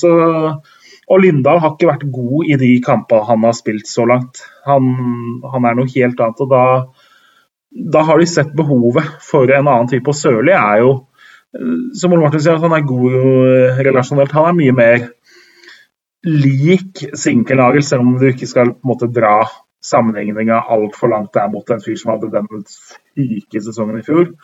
Så, så er han i hvert fall mye nærmere som spillertype. Da. Og jeg tror han vil komme mye fortere inn i Glimt-systemet eh, enn Lindahl. Så, så høyrekant var egentlig prekært for dem. Og i det norske markedet, med tanke på hvem som er realistisk å kunne hente, så, så syns jeg Sørli var et veldig godt valg av dem der. Det eneste er liksom kunne tenkt på sånn som potensielt var bedre. Jeg tenkte altså Tripic er jo rykta hjem til Viking nå, f.eks. Klart det er kanskje best på andre sida, men likevel. Eh, hadde ikke blitt sjokkert heller hvis Glimt var inne i bildet der, da. Men eh, når de velger å hente fra Eliteserien, så tror jeg Sørli er et veldig spennende valg. Og så har de jo ja, de jo henta både Vegard Kongsro og Sigurd Kvile da, fra Obos-ligaen nå. De, de, er jo, holdt på å si Glimt skal jo passe seg litt for liksom ikke bare hente potensial. Da. Det, det er litt sånn hvis du skal igjen CM, hvis du skal jukse, sant, så kan du finne frem sånn at du får live-data hva som ser potensialet til alle spillerne. Eh, og Da er det veldig lett å hente de som har høyest potensielt eh, nivå, men du må jo også se på nåværende nivå. og det er klart, altså Kongsrud kommer fra Ullkisa, selv om han er en spennende bekk og alt det. altså det er jo et lite sjansespill. Det er jo litt oppsiktsvekkende når en så suveren seriemester henter en fyr fra Ullkisa. Riktignok da fordi at du tenker kanskje han altså Fosnes, som er på vei vekk, spilte 210 minutter eller noe i fjor. Så det er liksom ikke en stor rolle han skal fylle i stallen i utgangspunktet. Eh, Sigurd Kvile er jo litt Marius Lode-lik. Så der tror jeg de har tenkt eh, også I tillegg så har de tenkt å låne ut Isak Amundsen. Eh, så Det er derfor de henter Kvile, fordi vi har en fjerde stopper. Og så har de tenkt at Lode kan bli solgt i løpet av et år eller to. Eh, da vil vi ha en fyr klar som ligner på han som spiller, da. Så det, det, er litt mer langtidstenking. Men det er jo oppsiktsvekkende når en fyr som Sarpsborg slapp for småpenger til Åsane i høst, så havner i Bodø-Glimt like etter. Man må jo ha lurt litt i Sarpsborg nå den siste uka på, på hva det var man ikke helt så. Ja, Apropos Sarpsborg, Kristian Fardal Opseth er ferdig i Australia. Og var han innom India også? Han kom fra India nå. Ja, han kom fra India nå, ja. Nå er han altså tilbake i, i, i Eliteserien og skal uh, banke inn mål for Sarpsborg Lotte. Det er, er, det et sjansespill av, uh, av uh, altså, holdt på å si østfoldingene, men Vik, Viken Hva sier man? Viken, Vik, Viken vikingene, Vik, er det ikke det? Nei. Viking, okay. ja, nei. noen av oss brukte jo forrige fredag bl.a. på å se internkampen til Sarpsborg, fordi hva gjør man ellers på en fredag i disse tider? De har jo henta ganske mange spisser nå, for å si det sånn. Eh, Rashad Mohammed er tilbake. Det er jo lynraskt, men det er for å dra championship-manageren. Det er 19 i hurtighet og 2 i avslutninger, Så eh, Oppsett kommer til å bli relativt bra, det. Og så har de henta Ibrahima eh, eh, Nå skal jeg helt stille. Eh, Kone fra Haugesund, som jo er stor og sterk og skårte Eh, jeg skåret på en sånn slags brassevariant i den kampen. Eh, så har de jo Steffen Lie Skålevik, og så har de Mohammed Ofkir. Så de har de havna jo i en situasjon i fjor hvor de kjempa mot nedrykk, og alle spissene egentlig var skada. De hadde ikke spissalternativ på slutten. Eh, så nei, jeg tror Oppsett er en relativt god signering. Jeg tror Han er ikke noen sånn 15-målsmann denne sesongen, men at han skal være oppe og snuse på ti, det bør han kunne. Og så må vi bare da skyte inn siden vi snakker om dem, at Bobakar Conté der, han så ut som en helt annen spiller uh, i, den, i hvert fall i den internkampen enn det han har vært før. Uh, har jo vært ansett som et stort talent. Var vel en Tuvak han innom Strømmen nå på lånet, eller husker jeg helt feil? Det var vel sesongen før du kom, sannsynligvis? det? Uh, ja. ja. ikke fra 08, det var uke etter. Uh, mulig jeg Men i hvert fall Conté så ut som en helt annen spiller. Han har vært litt sånn, fått veldig få innhopp. Han så helt briljant ut. Spilte hengende spiss i 3-4-1-2 og gjorde egentlig alt riktig. Kom seg løs gang på gang på gang. Vente, gjorde stort sett riktig valg med ball. Satte fart, uh, utfordra, sørga for å skape to mot én-situasjoner. Uh, uh, gode pasninger, gode skudd, gode vendinger. Han hvis han fortsetter noe lignende det der, så blir det årets definitive gjennombrudd i Eliteserien. Spennende. Hett tips da, til alle, alle også fantasy-spillere der ute. Ja, han... Har de, jukser de fantasy òg, eller, eh, mister? Eh, jeg lagde mitt allsvenskan fantasy-lag i går. Jeg. Såpass stor er desperasjonen her. Det kom ut i går. så sitter jeg og sparer litt. Jeg veit jo med meg selv at der kommer jeg aldri til å gidde å bytte på laget, så der må jeg ha spillere som kan spille ganske mange av de 30 serierundene på laget. Men hvis vi mimrer tilbake til tidligere toppfotballtider, så går det jo bra i, med lag som står seg over mange kamper. Ja, det er riktig. Eh, jeg husker også Arna Førsund følte, han fulgte kun de, de uh, Han signerte og solgte spillere kun i overgangsvinduet, han. I, også i fantasy på fantasy-laget sitt. Så det er også en variant å gjøre det på. Um, vi må ta med Amir eh, Udagic til Sandefjord. Freske signering av de, må vi kunne si. En mann som ikke har fått det helt til å stemme i, i, i Bergen. Uh, hva er grunnen nå til at det skal funke i hvalfangerbyen, Jørgen? Nei, Han er jo en fyr som liker å si, kose med ballen, kjele med ballen. Det høres ut som en sånn Sifuentes-signering, egentlig. Så det jeg er glad drar mest ut av det, er at Sandefjord Eh, vi har spillere som kjenner Eliteserien, og så vi har spillere som er gode med ball. Eh, og kanskje har tenkt å videreføre i hvert fall den delen av det Sandefjord har stått for tidligere.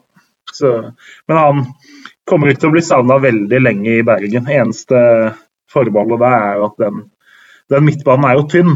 Men uh, Rudagic var likevel mulig å slippe der, og hadde vel ganske god lønn også. I, så Brann holder jo på med denne her ryddeprosessen sin får ut spillere som ikke spiller, men koster mye, og har begynt å hente inn unge spillere. Så en, de er nok veldig fornøyd med det i Brann, og så tipper jeg Sandefjord er passe happy også. Vi går videre til fotballtinget, for det, uh, vi skal ikke bruke Det har vært sagt og skrevet såpass mye om uh, Qatar at la oss ikke bruke en hel sending her nå til å snakke om, om det, men det vi kan jo ta med veldig kort. Så, um, som selvfølgelig aldri alle har fått på seg at det blir et ny ekstraordinært ting 20.6, hvor dette skal da diskuteres. Og da var vel eh, NFFs opprinnelige forslag var å, å innkalle til et nytt ting utpå høsten, men der satte altså klubbene foten ned og sa at det må skje før sommeren. Lasse Wangstein, umiddelbar tanke om det. Er, det, er dette for at uh, Spekulerer uh, eh, NFF her nå i at eh, vi skal få et par gode landskamper under Ståle, og så blir det ikke like attraktivt å, å stemme for en boikott etter det? ja, altså det er jo selvfølgelig fristende å tenke de baner. Uh, hvis man tar på seg aluminiumsfoliehatten sånn ordentlig godt. Men det kan man jo av og til gjøre når det gjelder pampevelde innen fotballen. Men ehm, nei, altså Jeg tror nok uansett hvordan man snur og vender på det, at det er greit faktisk å gi en såpass viktig avgjørelse litt grann tid til å modnes, til å Altså til å faktisk finne ut sånn helt ned altså, det, er, det er ganske store ting der, da vi kanskje er greit å være helt sikre på at uh, uh, At det liksom Det her er det riktig for oss. At alle er Altså ikke bare blir basert på følelser og, og at uh, det er mange som har hivet seg på, da. Har vi ikke hatt ti år til å undersøke potensielle muligheter? Jo. Jeg, jeg, er, helt, jeg er helt enig i det, men hvor mye har, har vi undersøkt, da? Har det vært en god nok jobb? Har norsk fotball engasjert seg nok i dette før eh, nå? Ikke sant? Så det, altså, poenget mitt er bare eh, La oss nå altså, La nå de klubbene og de uh, aktørene som skal stemme om dette, da Jeg tror det er lurt at de får lov å bruke litt tid på det. At NFF kan godt ha undersøkt dette, de, og bestemt seg for én ting. Men en klubb da som blir litt fanga i den suggesjonen som er nå, ta et skritt tilbake, puste litt, eh, finne ut litt selv hva, hva mener vi egentlig om det her. Og så får vi jo på mange måter håpe at de, de ser det alle andre har sett, da. Men eh, det er jo en helt annen diskusjon, og den har vi jo hatt, på en måte. Ja, den har vi hatt. Uh, vi vil ta med oss at uh, nå ble det vel besluttet En av tingene som ble besluttet på fotballtinget, er at uh, Rasisme i forbindelse med utøvelse av er vel både kamper og treninger skal anmeldes. Et forslag for Vålerenga som ble fremmet, som ble vedtatt i forbindelse med fotballen. Og det må vel kunne si er en Altså, jeg vil jo kanskje si at i mange sammenhenger så er det en selvfølgelighet, men uh, det, det, er jo et, uh, et, bra tegn nå at det også blir klubbet i, i tinget, Lasse. Ja, det, altså dette er jo et uh Altså, dette er en forlengelse av den jobben som dessverre, da, man måtte ta en runde til eh, med i høst, eh, men som man også heldigvis har tatt. Eh, for dette er klart at når, når, det blir utøvd rasisme såpass synlig som det ble i fjor, så er det viktig at man tar det, og at man gjør noe med det. Og, og, og dette syns jeg på en måte viser at det, dette kan ikke gå i glemmeboka. Og nå er det konkret. altså Dette politianmelder vi. Hvis du utøver rasisme på våre arenaer, da kommer vi til å politianmelde deg. Og det er uansett om du er uh, han idioten av en vakt som ikke har fått med seg uh, stoppkampanjen, selv om du jobber på fotballkamp, eller om du er uh, tilskuer øverst i vestre sving, altså, så er det politianmeldelse hvis du utøver rasisme. Det er helt riktig, og jeg, jeg skjønner ikke at noen faktisk på det tinget klarte å stemme mot det forslaget. Det er det er bortenfor min, det er bortenfor min fatteevne, og jeg skulle gjerne likt å vite hvem det var. Men uh, mens vi er innom uh, Apropos, det skjer gode initiativ fra Vålinga der. men i og rundt Vålinga, det har historisk skjedd bra ting der, Vålinga mot rasisme og disse tingene. Men det som kommer fram i kjølvannet nå av Er det ikke en avisreportasje? Også en rekke uttalelser på, på Twitter. Avdekkinger av et rasistisk og nazistisk miljø knytta til uh, hva skal vi si, grupperinger i, uh, rundt Vålerenga-supporterne. Karakterer knyttet til disse supportergrupperingene. Hva mm, Ja, nå, jeg skal ikke gå inn på, på hvilke grupperinger hvor, men at det, at det har, og kanskje til og med er, elementer som trekkes mot Vålerenga som man ikke vil ha i en klubb som Vålerenga, som strider imot klubbens verdigrunnlag, da, som en antirasistisk klubb. Eh, og at det kanskje også finnes i andre klubber i Norge, det, er, det, tror jeg ikke det er noe tvil om i det hele tatt. For jeg tror en fotballfamilie, da, for å kalle det, speiler samfunnet som helhet. Jeg nesten håper at fotballfamilien gjør det, og at fotballfamilien da også kan eh, være med og i hermetegn oppdra.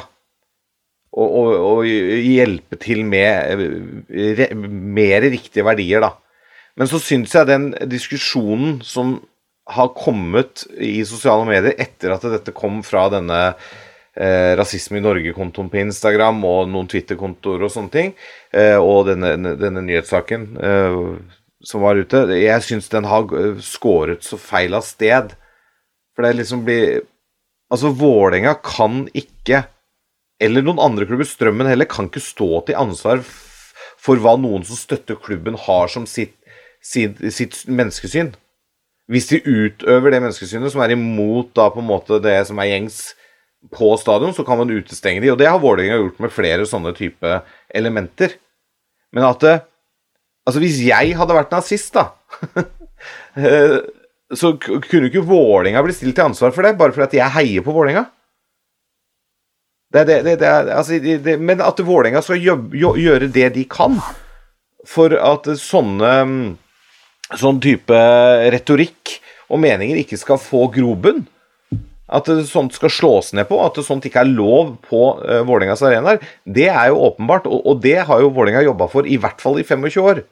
Der er jo Vålerenga for, et foregangsklubb. Så den kritikken som rettes mot Vålerenga som klubb, den er jo helt feil. Altså det, det, jo, det faller jo på sin egen urimelighet. Det blir, jo, det blir jo så latterlig, og det er å score billige poeng. Og, og, og, jeg mener at det skader rasismekampen mer enn det gagner den. Altså det han der, Nå husker jeg ikke navnet til han Twitter-brukeren, men han som har gått veldig hardt ut, og som ikke svarer på noe kritikk i det hele tatt, eller noe eh, tilbakemeldinger fra folk som faktisk har litt forståelse av det her som bare retweeter seg selv og fortsetter. Eh, altså, han skader rasismesaken mye, mye mer enn han gagner den. Altså, Det er så skadelig, det han driver med, og det, det, må han slutte med. For det er ikke bra for norsk fotball heller. Nei, det, altså, det, det, jeg fyrer, altså, De greiene her er jo på en måte ikke Jeg er mest glad i folk som sparker en ball og løper etter den, men uh, ja. man blir jo på en måte påvirka av det. Altså, de, noen av de tweetsa, og når det blir fortalt hvordan ting henger sammen av bedre vitende, da, og så på en måte nekter å ta det til deg, men heller fortsetter på samme tralten. Så det ble jo helt parodi. Og, Uh, og samme var denne Instagram-posten hvor på en måte du har bilde av noen som da jeg har ikke peiling, men som påstås å være nazister, da, som er noe våpengreier og sånn i en annen sammenheng. Eh, sikkert legitimt for sånn den greia, men så midt i så trykker hun et bilde av vanlige Vålerenga-supportere som går i tog fordi de skal legge ned grunnsteinen på den nye stadion. Liksom et bilde som er 60 år gammelt. Det kommer liksom Du lager en så, ikke sant, og da har du i tillegg klart å legge inn et bilde hvor noen av dem har hendene i været fordi du går og klapper ikke sant, hendene opp sånn som du gjør på en fotballtribune. Eh, og nesten så du liksom for meg framstår som at du prøver å få det til å se ut som de gjør nazihilsen, når det de egentlig gjør er å gå og klappe og synge Vålerenga. Det, det, blir så tendensiøst og så dumt at det, det er ikke mulig, liksom.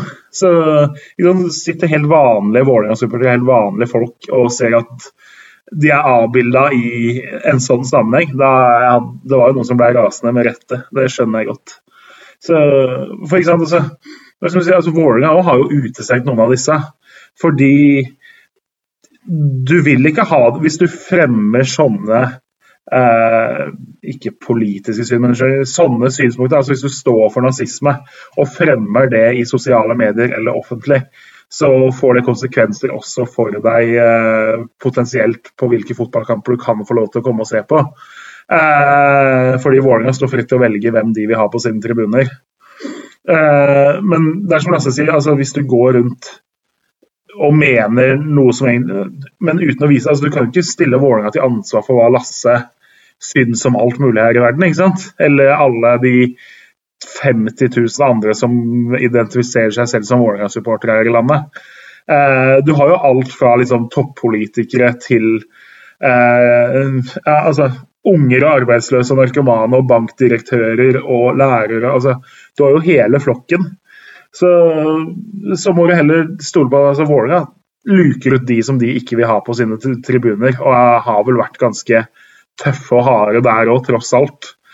Og nei, eh, det blir helt fullstendig feil å skulle laste en klubb eller klanen eller medsupportere eller hvem det skulle være for at noen er nazister, men også syns Vålerenga er det, det, laget de liker best i verden, liksom. Du kan jo aldri Du kan ikke avtvinge eh, noen å like Vålerenga, uansett hva de mener om andre ting her i verden. La oss gå videre til en, en eh, langt hyggeligere sak. Eh, fordi eh, vi har jo snakket om han i et par sendinger her. David Fofana. Vi kjente jo ikke veldig godt til han da han signerte. og Så ble vi jo raskt kjent med han da han skåret for, for, Molde mot uh, Hoffenheim. Uh, og, og, denne historien i bakgrunnen kom fram om at han har valgt Molde da framfor en rekke belgiske og franske klubber i overgangsvinduet. Uh, han kunne tjent femgangeren ved å, å, å, gå et annet sted, blant annet. så stiller han på et intervju i VG nå denne uken, var det vel, hvor hvor han eh, forklarer valget med at han, eh, han forelsker seg i Molde og i folka der, og, eh, og fikk et godt inntrykk av, av, ligaen også da han kom i et prøvespill, og trekker fram utviklinga til Erling Braut Haaland i Molde og Eliteserien som en utviklingsarena. Altså, det er jo eh, Det er jo musikk i, i, ørene til folk som, som er glad i norsk fotball, dette. En fyr som kommer inn som egentlig kunne plukka Altså, han kunne ikke valgt på øverste hylle av alle klubber i Europa, men det var jo, han hadde ganske mange beilere etter seg, og så faller valget da på, på norsk fotball og Eliteserien, uh, Ole Martin. Uh, er det en slags tillitserklæring til uh, den norske fotballen for faen å komme med her? Om det har vært det han har ønska å sende, det vet jeg ikke. Men det er jo positivt at norsk fotball tiltrekker seg den type spillere òg. Og har man jo gjort det i tidligere òg. Altså, Kepin Diatta f.eks. til 08, men uh, han her har jo kanskje vært enda mer attraktiv tidlig enn det andre før har vært. Uh, så blir det spennende å se om han, uh, hvordan det blir, da, hvor fort han tar steget og hvor, hvor, lenge han er her. Men uansett så er det jo artig å få inn den type spillere i norsk fotball. Det er jo det er god underholdning, og det kan medføre flere øyne på norsk fotball og mer penger til norsk fotball, så det er jo positivt.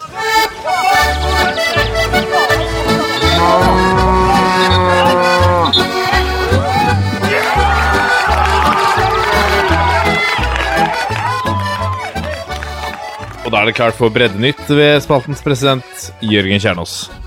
Ja, her har jeg jo allerede spoila den ene saken jeg har til dere andre. Men uh, for lytterne så må vi jo dele den. Fordi det skjer jo ikke så mye i bredden, men det ser jo ut som noen av spillerne har uh, tid til andre prosjekter. Fordi eh, onsdag så kom nyheten om at Sander Noreide har uh, forlenga kontrakten sin med Nardo det er jo ikke noe som gjør liksom, veldig oppstuss i Fotball-Norge. Han eh, spilte hard over eh, tre sesonger rukket å få 16 eh, Over fire sesonger så har han rukket å få 26 kamper for dem. Og liksom spilt 10, 8, 2 og 6 kamper, så det er jo ikke noe spillet folk har et forhold til sånn sett. Men tidligere Ullern og Stabæk-spilleren har jo grodd en imponerende bart til dette signeringsbildet. Det er grunnen til at vi tar det opp. Eh, jeg tenker vi må vel nesten ta oss tillatelse til å låne bildet der av Nardo fotballklubb, rett og slett. Min gamle hjemklubb. Fordi eh, det er definitivt en bart som ikke tilhører annendivisjon. Den er i eliteklassen. Så jeg tenker vi, vi, kan jo la han gå foran som et forbilde til alle fotballspillere som ikke har så mye å finne på for tida. Jeg tenker vi får sette i gang toppfotballs lille uoffisiell kåring av årets breddebart, rett og slett.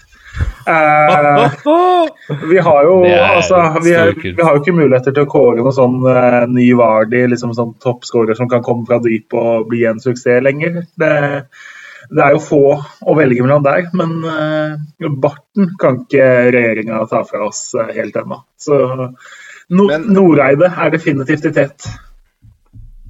Jeg bare lurer.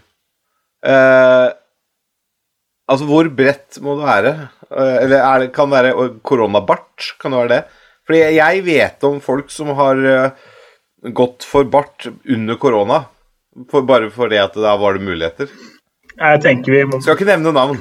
Jeg tenker det må jo være primært eh, fotballspillere som gror bart, ikke folk med bart som tar på seg fotballdrakt. Eh, det er litt uklart hvor grensa okay. Ja. Eh, men vi oppfordrer jo alle aktive der ute til å følge Noreides eh, eksempel. Det vil jeg si. Det ser ut som en sånn Så pa paneldeltaker i toppfotball kan ikke være med i konkurransen? Jeg er litt usikker på hvem av oss du ville definert som fotballspiller. Lasse. Det må jeg ærlig talt innrømme. Ja, men, uh, ja, men du, du, snakker om Men, men uh, kjørte Altså, har du praktisert en koronabart? Var det deg selv du sikta til?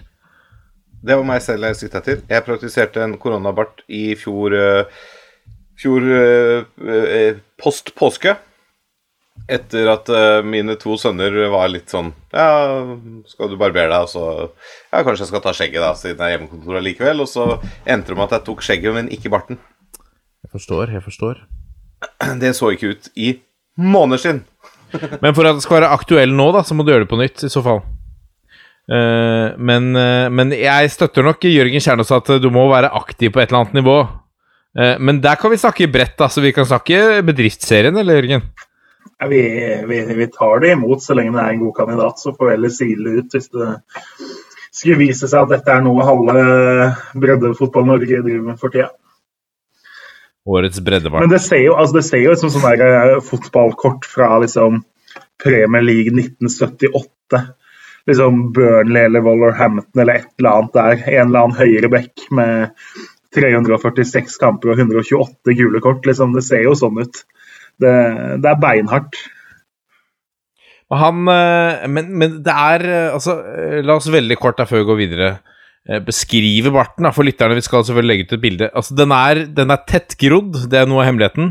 Må, er, det er en fyldig bart. Den er tettgrodd. Så du ser ikke noen Det er ikke noe tegn til hud gjennom noe av barten. Og du ser at det er en fylde, så den har et volum som ligger i en viss høyde på oversiden av, av, av leppa der. Eh, så det er ikke en sånn flat type bart som jeg får, men det er på en måte masse hår som ligger lag på lag. Ja, og så er det, Dette er jo signeringsbildet òg, med armer i kors og litt sånn morskt blikk og sveisen litt eh, på sida. Altså, det, det, ser beinhardt ut. Det, hvis du er en lettbeint venstrekant, og så kommer du og så steller du deg opp og venter på at dommeren skal blåse, og så ser du at det er høyrebekken du skal møte. Eh, da gleder du deg ikke til en dag på jobben, liksom. Da veit du hvordan dette kommer til å gå. Kan hende du vinner, kan hende du scorer, men det blir vondt. Vi, skal legge ut, eh, vi legger ut barten på, på SoMe, så når du hører denne episoden, så kan du gå inn på Insta, Facebook eller, eh, eller kanskje til og med Twitter. Så ser du bilde av prakteksemplaret der til Sander Noreide. Helt nydelig.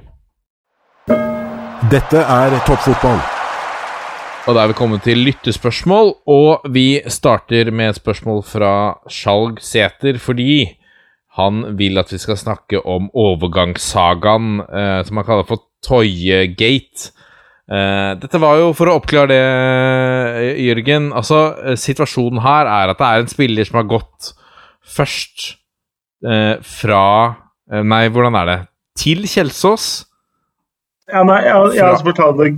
I høst så ble han kjøpt fra Kjelsås til HamKam og var veldig god da HamKam klatra oppover tabellen i løpet av høsten. Eh, så langt eh, så enkelt. Og så ytra han et ønske da et, eh, om å bryte kontrakten med HamKam fordi han har en bachelorgrad han skulle gjøre ferdig, og ville da befinne seg i hovedstaden mest mulig. HamKam sa vel OK til å la en betingelse om at han skulle ikke gå til en eh, konkurrent av dem i Obos-ligaen denne sesongen. Så Strømmen og Koffa og Grorud da, som, og så videre, kunne, og Ullkisa videre, kan liksom ikke Han kunne ikke gå dit, da. Eh, og det var greit. Han henvendte seg tilbake til Kjelsås, som han har vært i noen år, og har trent med dem. og ble egentlig enig med dem om å signere for Kjelsås, og Kjelsås presenterte han jo egentlig at nå har han kommet tilbake, og det er jo en knallsignering for dem. Og så plutselig, så en liten stund seinere, så blir han jo presentert som Koffa-spiller. Og det som jo har skjedd, er jo eh, for det første, da, Kjelsås har jo vært ganske forarget her, men må jo også ta litt selvkritikk på at de ikke liksom bare fikk navn på papir fortest mulig. Og det er nok en lærdom for dem da til seinere at det, det å tross alt bli enig muntlig og få en SMS om at jeg kommer og signerer på fredag, det det tar deg ikke hele veien til mål, det, da. For Koffa solgte jo Mansour Guey til eh, Sogndal. Eh, trengte en stor, sterk, god stopper. Veit da at han er tilbake i byen. og liksom, Det er naturlig at du henvender deg når en sånn stopper da eh, kommer tilbake til Oslo. Og Koffa ble da enig med HamKam om en overgangssum, siden eh, HamKam var jo villig til å slippe han, men når han da skal gå til Obos-ligaen, så ville jo HamKam ha penger for han. De ble enige om en sum som begge parter syns var grei. Eh, Toje går til en klubb på et høyere nivå enn annendivisjon. Eh, får sannsynligvis bedre betalt og liksom er vel forlyktet. Så det er jo på en måte Kjelsås som står igjen som taperen i saken her. da. Eh, fordi HamKam fikk jo til slutt penger for en spiller de gikk med på å slippe uten å få penger for.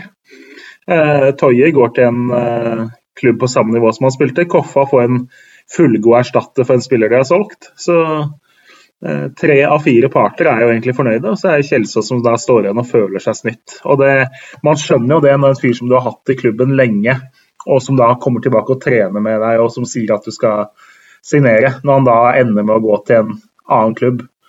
Men så er det jo det at det, har du ikke navn på papir, da, så kan du Og som de sier, at de kunne liksom kjørt hardt på her og kjørt inn for sånn tatt saken videre i NFF og alt sånn. Men det koster dem tid, og det koster dem penger, og hva får de igjen for det? De kunne i ytterste konsekvens kanskje sørga for at han fikk en karantene eller et eller annet i så og så lang tid, men det er liksom Da er du på en måte på litt hevntokt òg samtidig, da. Selv om du kanskje føler at det kunne vært riktig å gjøre sånn for å få en revansj eller et eller annet, så, så, gidder du liksom ikke det som klubb. Og liksom i verste fall så taper du den saken, så har du brukt masse tid og penger på det uten at du får noe igjen. Uh, men ja, det, er, det, ser jo veldig klønete ut, og det var jo litt merkelig og sånn i starten på Hamar, og så stussa de jo litt over at han plutselig ville bryte kontrakta også. Så det har jo vært først så skuffa han vel en del HamKam-supportere, og så skuffa han eh, Kjelsås eh, etterpå, egentlig, da. Ja, eh, Begynner vi å se en liten sånn Koffa-trend her, som kanskje ikke sånn er kjempeheldig for Koffas omdømme? Hadde vi ikke en liten greie med han derre Øby, er det han heter, i fjor? Hvor han uh,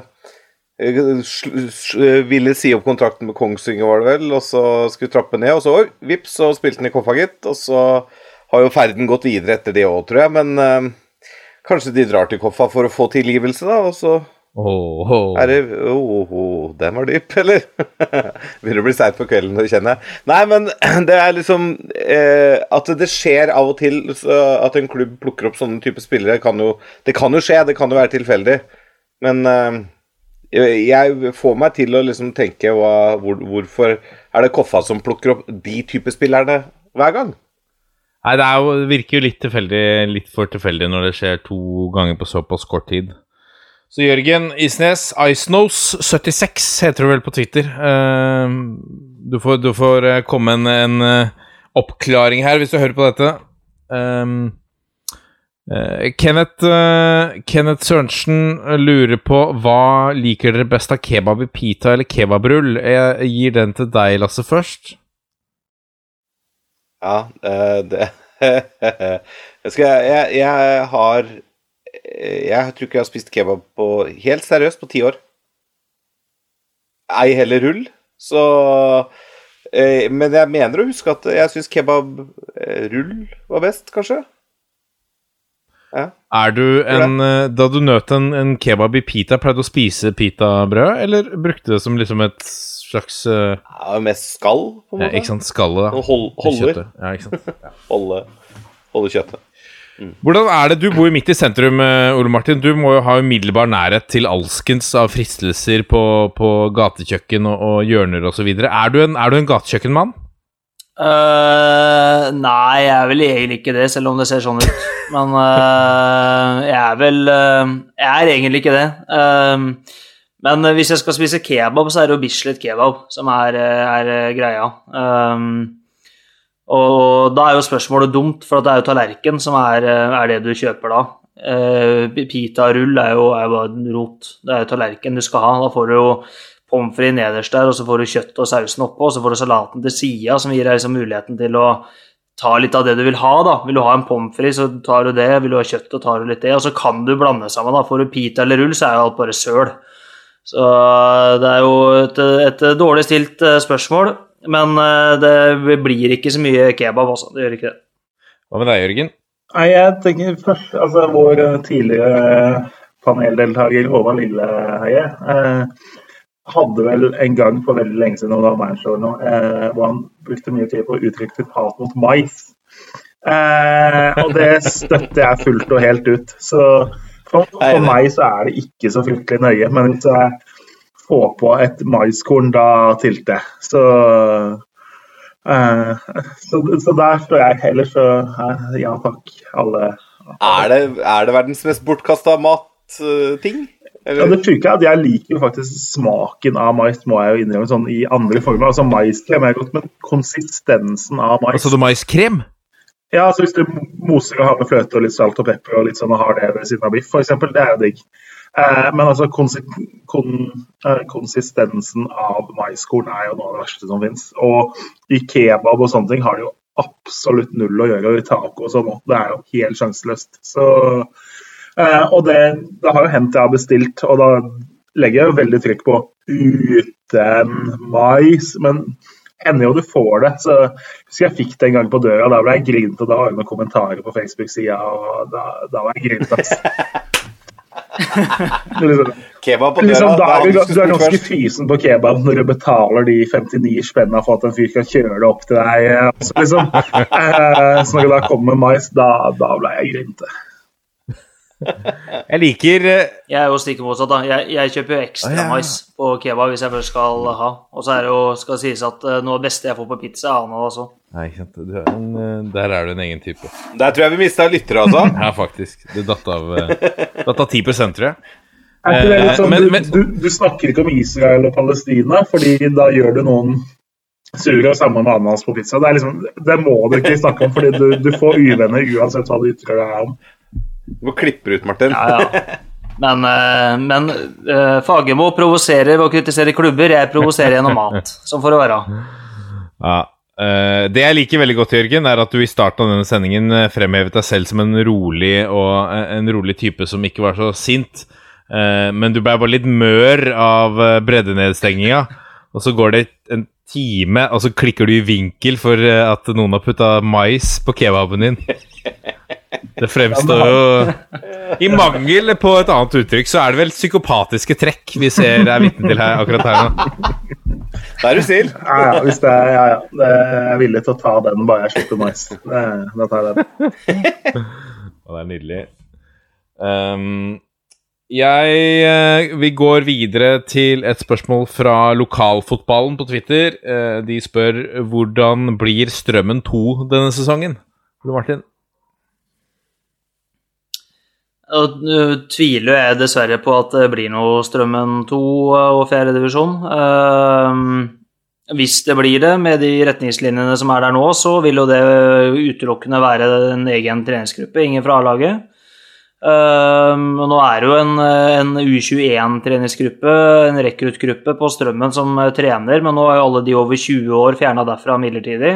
Så hvordan det blir, det er vel uh, veldig vanskelig å svare på, rett og slett. Ja. Vi tar et spørsmål fra Øystein eh, Bondhus. Jeg kjenner igjen det navnet. Han er vel eh, Jeg mener han er kontaktperson for et eller annet lag i syvende divisjon. Han har vært med i Vannkamp, tror jeg, men nå er han oppe, han, nå er han oppe i hjemtraktene. Jeg tør ikke, Det er vel Surnadal. Med fare for at det er Suddal, for da apropos sånn Israel-Palestina og sånn, så Det er livsfarlig. Han stiller spørsmålet til programleder om er det håp om et Ørn Christiania-comeback i Oslos breddefotball. Eh, det hadde vært vakkert, selvfølgelig. Eh, min eh, Der har jeg fortsatt kjærlighetssorg. Det ser jo foreløpig Altså, stammen i laget ble jo bare eldre og eldre, fikk jo bare flere og flere kids, så det ser jo litt dårlig ut. Vi skøyt oss jo også litt i leggen med at vi tillot kun spillere som var fra Horten aller først. og så slapp vi litt opp og sa at hvis du hadde spilt i Ørn Horten, så fikk du være med. Og så slapp vi opp litt til og sa at hvis du hadde kjent Nei, hvis du kjente noen fra Horten, så fikk du lov å spille. Så, så vi slapp opp eh, ganske greit, men eh, til tross for det så, så ble altså gjennomsnittsalderen der på 33 eller et eller annet. Så det, nå er den langt høyere. Men jeg liker uh, kommentaren her, da. Uh, den er jo også litt trist, uh, fra Korsvoll C, som vi møtte i seriespillet, om ikke jeg husker feil. de sier at et comeback fra Ørn Christiania ville vært tidenes comeback. Ja, Oldenborg og Koffa mener Jesus sto opp fra de døde, men han kom, alt, han kom tross alt bak, tilbake til den samme verden han forlot. Ørn Christianias store utfordring er hvordan de skal klare å gjøre comeback i noe som ikke finnes lenger. Altså breddefotballen. Det er trist. Men det var jo en liten sesong i bedriftsfotballen der, var det ikke det? Man, ja, jo, det skal vi oppsummere din keeperinnsats der, Jørgen, med noen ord? Vi kan vel oppsummere det med at det er godt de kampene ikke filmes, er det ikke sånn, da? ja, det var eh, Nei, du var nok eh, Det var, det var, det, det var en generaltabbe, men du klarte deg jo ellers fint. Vi kan jo også oppsummere med at når keepere skal redde lette baller, så er det lurt å ha eh, kroppen bak eh, ball likevel, for ballen kan glippe. Eh, er vel også en måte å si det på. Det finnes faktisk eh, videoer av eh, den redningen. Det er bare å gå på YouTube og søke opp Masimo Taibi, eh, Manchester United, så vil du få Nei, nei, så ille var det faktisk ikke. Det var, så ille var det ikke. Det var faktisk hakket under. Men, det var, men, det er jo litt av sjarmen med fotball. Altså, jeg kom jo dit, og så ser jeg noen av de lagene dere spilte mot, da, i fjerde bedrift eller hva det var så, noe, så ser du jo Trysil-kameraten eller et eller annet som spiller. Og der ser du jo ja, Dag Frode Holseth er ute og herjer liksom, på banen. Han er jo seriemester et par ganger vel med Rosenborg. Så liksom selv i fjerdedivisjonsbedrift så kan du møte en fyr som har to seriegull, liksom. Det, det er jo det som er noe av det altså, Du møter jo alt fra en keeper som ikke redder baller, til en fyr som har to seriegull. Det er jo det som er skjermen med det, tross alt. Ja, vi sleit hardt mot Colombia FC. De spilte i Colombia sin, sin landslagsdrakter. Det var mye varianter. Selv har jeg også, kan jeg skilte med bedriftsserien, tre kamper for Holmenkollen dagsenter og boliger. Det var eh, Vi hadde et meget sterkt lag i sin tid. Eh, det var jo juks, da, for der har jeg jo aldri jobba. Um, det hadde jeg aldri trodd om uh, Eh, bedriftsserien. At folk uh, spilte for lag de ikke jobba for. Jeg er sjokkerende nyheter du kom her, Roppestad. Helt potet. Helt potet. det, det, dette må media ta tak i, altså, for dette går ikke an. Makan. Ja, du hørte det først i toppfotball. Det jukses altså i bedriftsserien. Breaking news. uh, oi, oi, oi. Ja, ja, ja. Uh, uh, et spørsmål fra, fra Testig. Hvis Strømmen får en sjanse til å kvalifisere seg til Champions League, bør de gjøre alt for å kvalifisere Nei, bør de A. gjøre alt for å kvalifisere seg, B. trene mindre for å gjøre det rettferdig for resten? det, det, der har jeg svart på før. Jeg også hadde jo reist hvis jeg hadde vært Bodø-Glimt. Så um, det, det, sier vel, eh, sier vel seg sjøl. Nå er det nok ikke noe umiddelbar fare for at vi eh, kvalifiserer oss til Champions League, men uh, jeg hadde nok reist, ja. ja. Vi får se, da. Vi får se. Um, Vegard Bjørgo sier ah, Det er covid igjen, da. Uh, gjør resten av Europa feil, og vi rett dersom toppidretten ikke får dispensasjon? Det er litt typisk norsk, i hvert fall. da. Uh, alltid gå litt i en annen retning. Altså, De fleste andre land i Europa har klart å arrangere verdenscup i forskjellige vinteridretter nå, men Norge bare Nei, det er ikke aktuelt, liksom.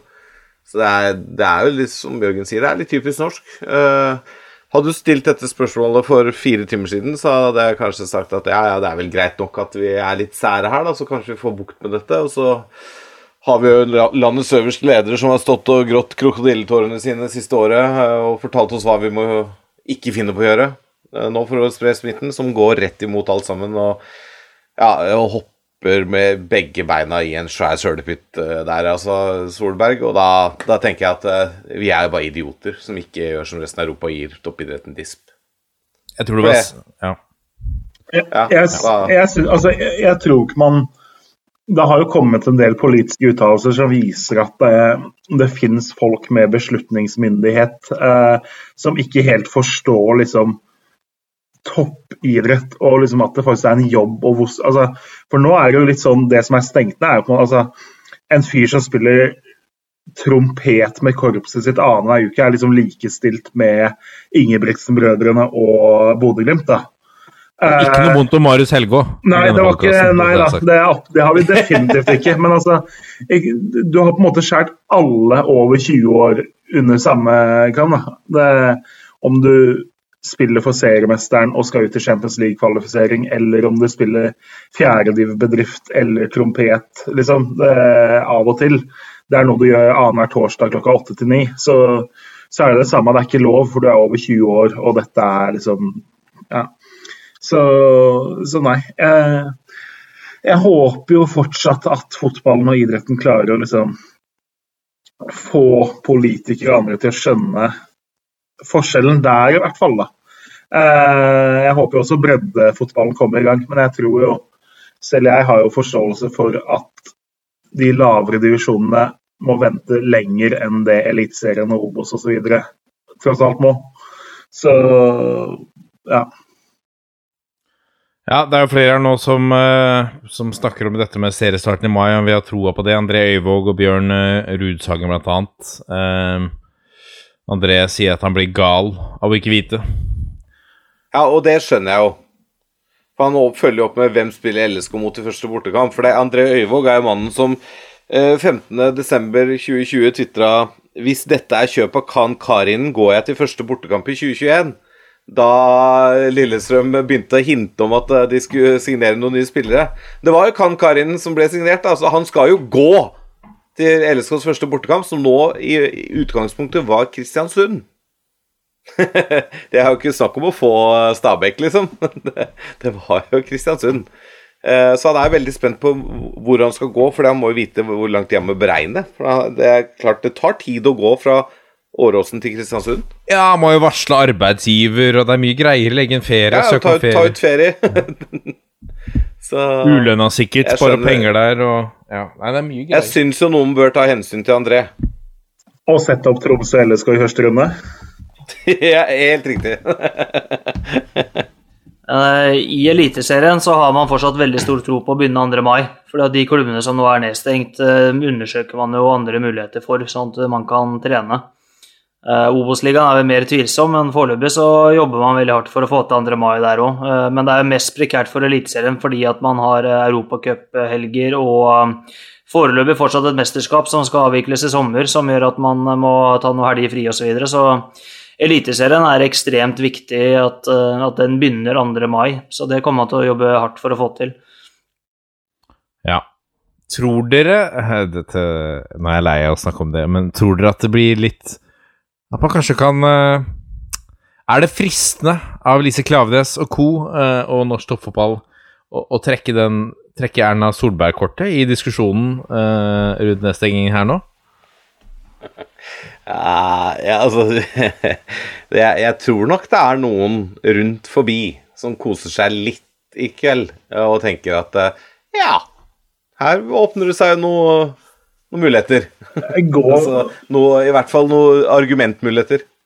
Det går jo an å spekulere i om man Det går jo an å sende en forespørsel og høre om statsministerens kontor kanskje har behov for litt goodwill eh, for tida, f.eks. Eh, at kanskje mange vil jo satt pris på litt fotball. Kanskje det, kanskje det, kan få litt positiv oppmerksomhet, sånn hvis det tilfeldigvis trengs akkurat nå. For det Før så hadde man jo når sånne saker så, eller skjedde noe sånt, før så hadde jo Frp i regjering som jo bare kunne komme med et eller annet håpløst utspill, og så fikk det oppmerksomhet uh, isteden. Nå har de jo ikke de til å ta den rollen, så da kanskje de må lede oppmerksomheten vekk på en annen måte, da. Og da er jo fotball en fin måte, uh, syns jo vi. Absolutt. Jeg syns det var et veldig godt forslag. Uh, anbef vi anbefaler faktisk alle uh, nå å sende en, et brev til statsministerens kontor med dette forslaget. Starte opp fotballen. det har vært fint. En slags folke, folkeaksjon. Um, skal vi si det er greit, da? jeg valgte ikke å ta med et annet spørsmål fra Kenneth André Sørensen. Han lurer på hvorfor er fotballen rund? Det har vi ikke tid altså, i, i denne podkasten akkurat nå, å, å, gå gjennom det. det. har ganske åpenbare fordeler, vil jeg si. ja, det hørtes ut som Filosofipodden kunne svare på det hvis den fins. ja. Send det til eh, eh, Filosofipodden. Uh, vi er Toppfotball på Facebook, Twitter og Instagram. Send oss gjerne en mail på toppfotball451 også. Eh, og så er vi plutselig tilbake. Antagelig eh, om et par uker igjen. Det går jo et par uker mellom hver gang nå, men eh. Ja, da, da vil jeg tippe i hvert fall om tre, for om to uker så er vi midt i påskeferien. Eller vi er vel sannsynligvis hjemme alle mann, så vi kan vel ta en podkast, da. Vi får se, vi får se. Vi avslutter på 1, 2, 3. Vi er enige. Ha det!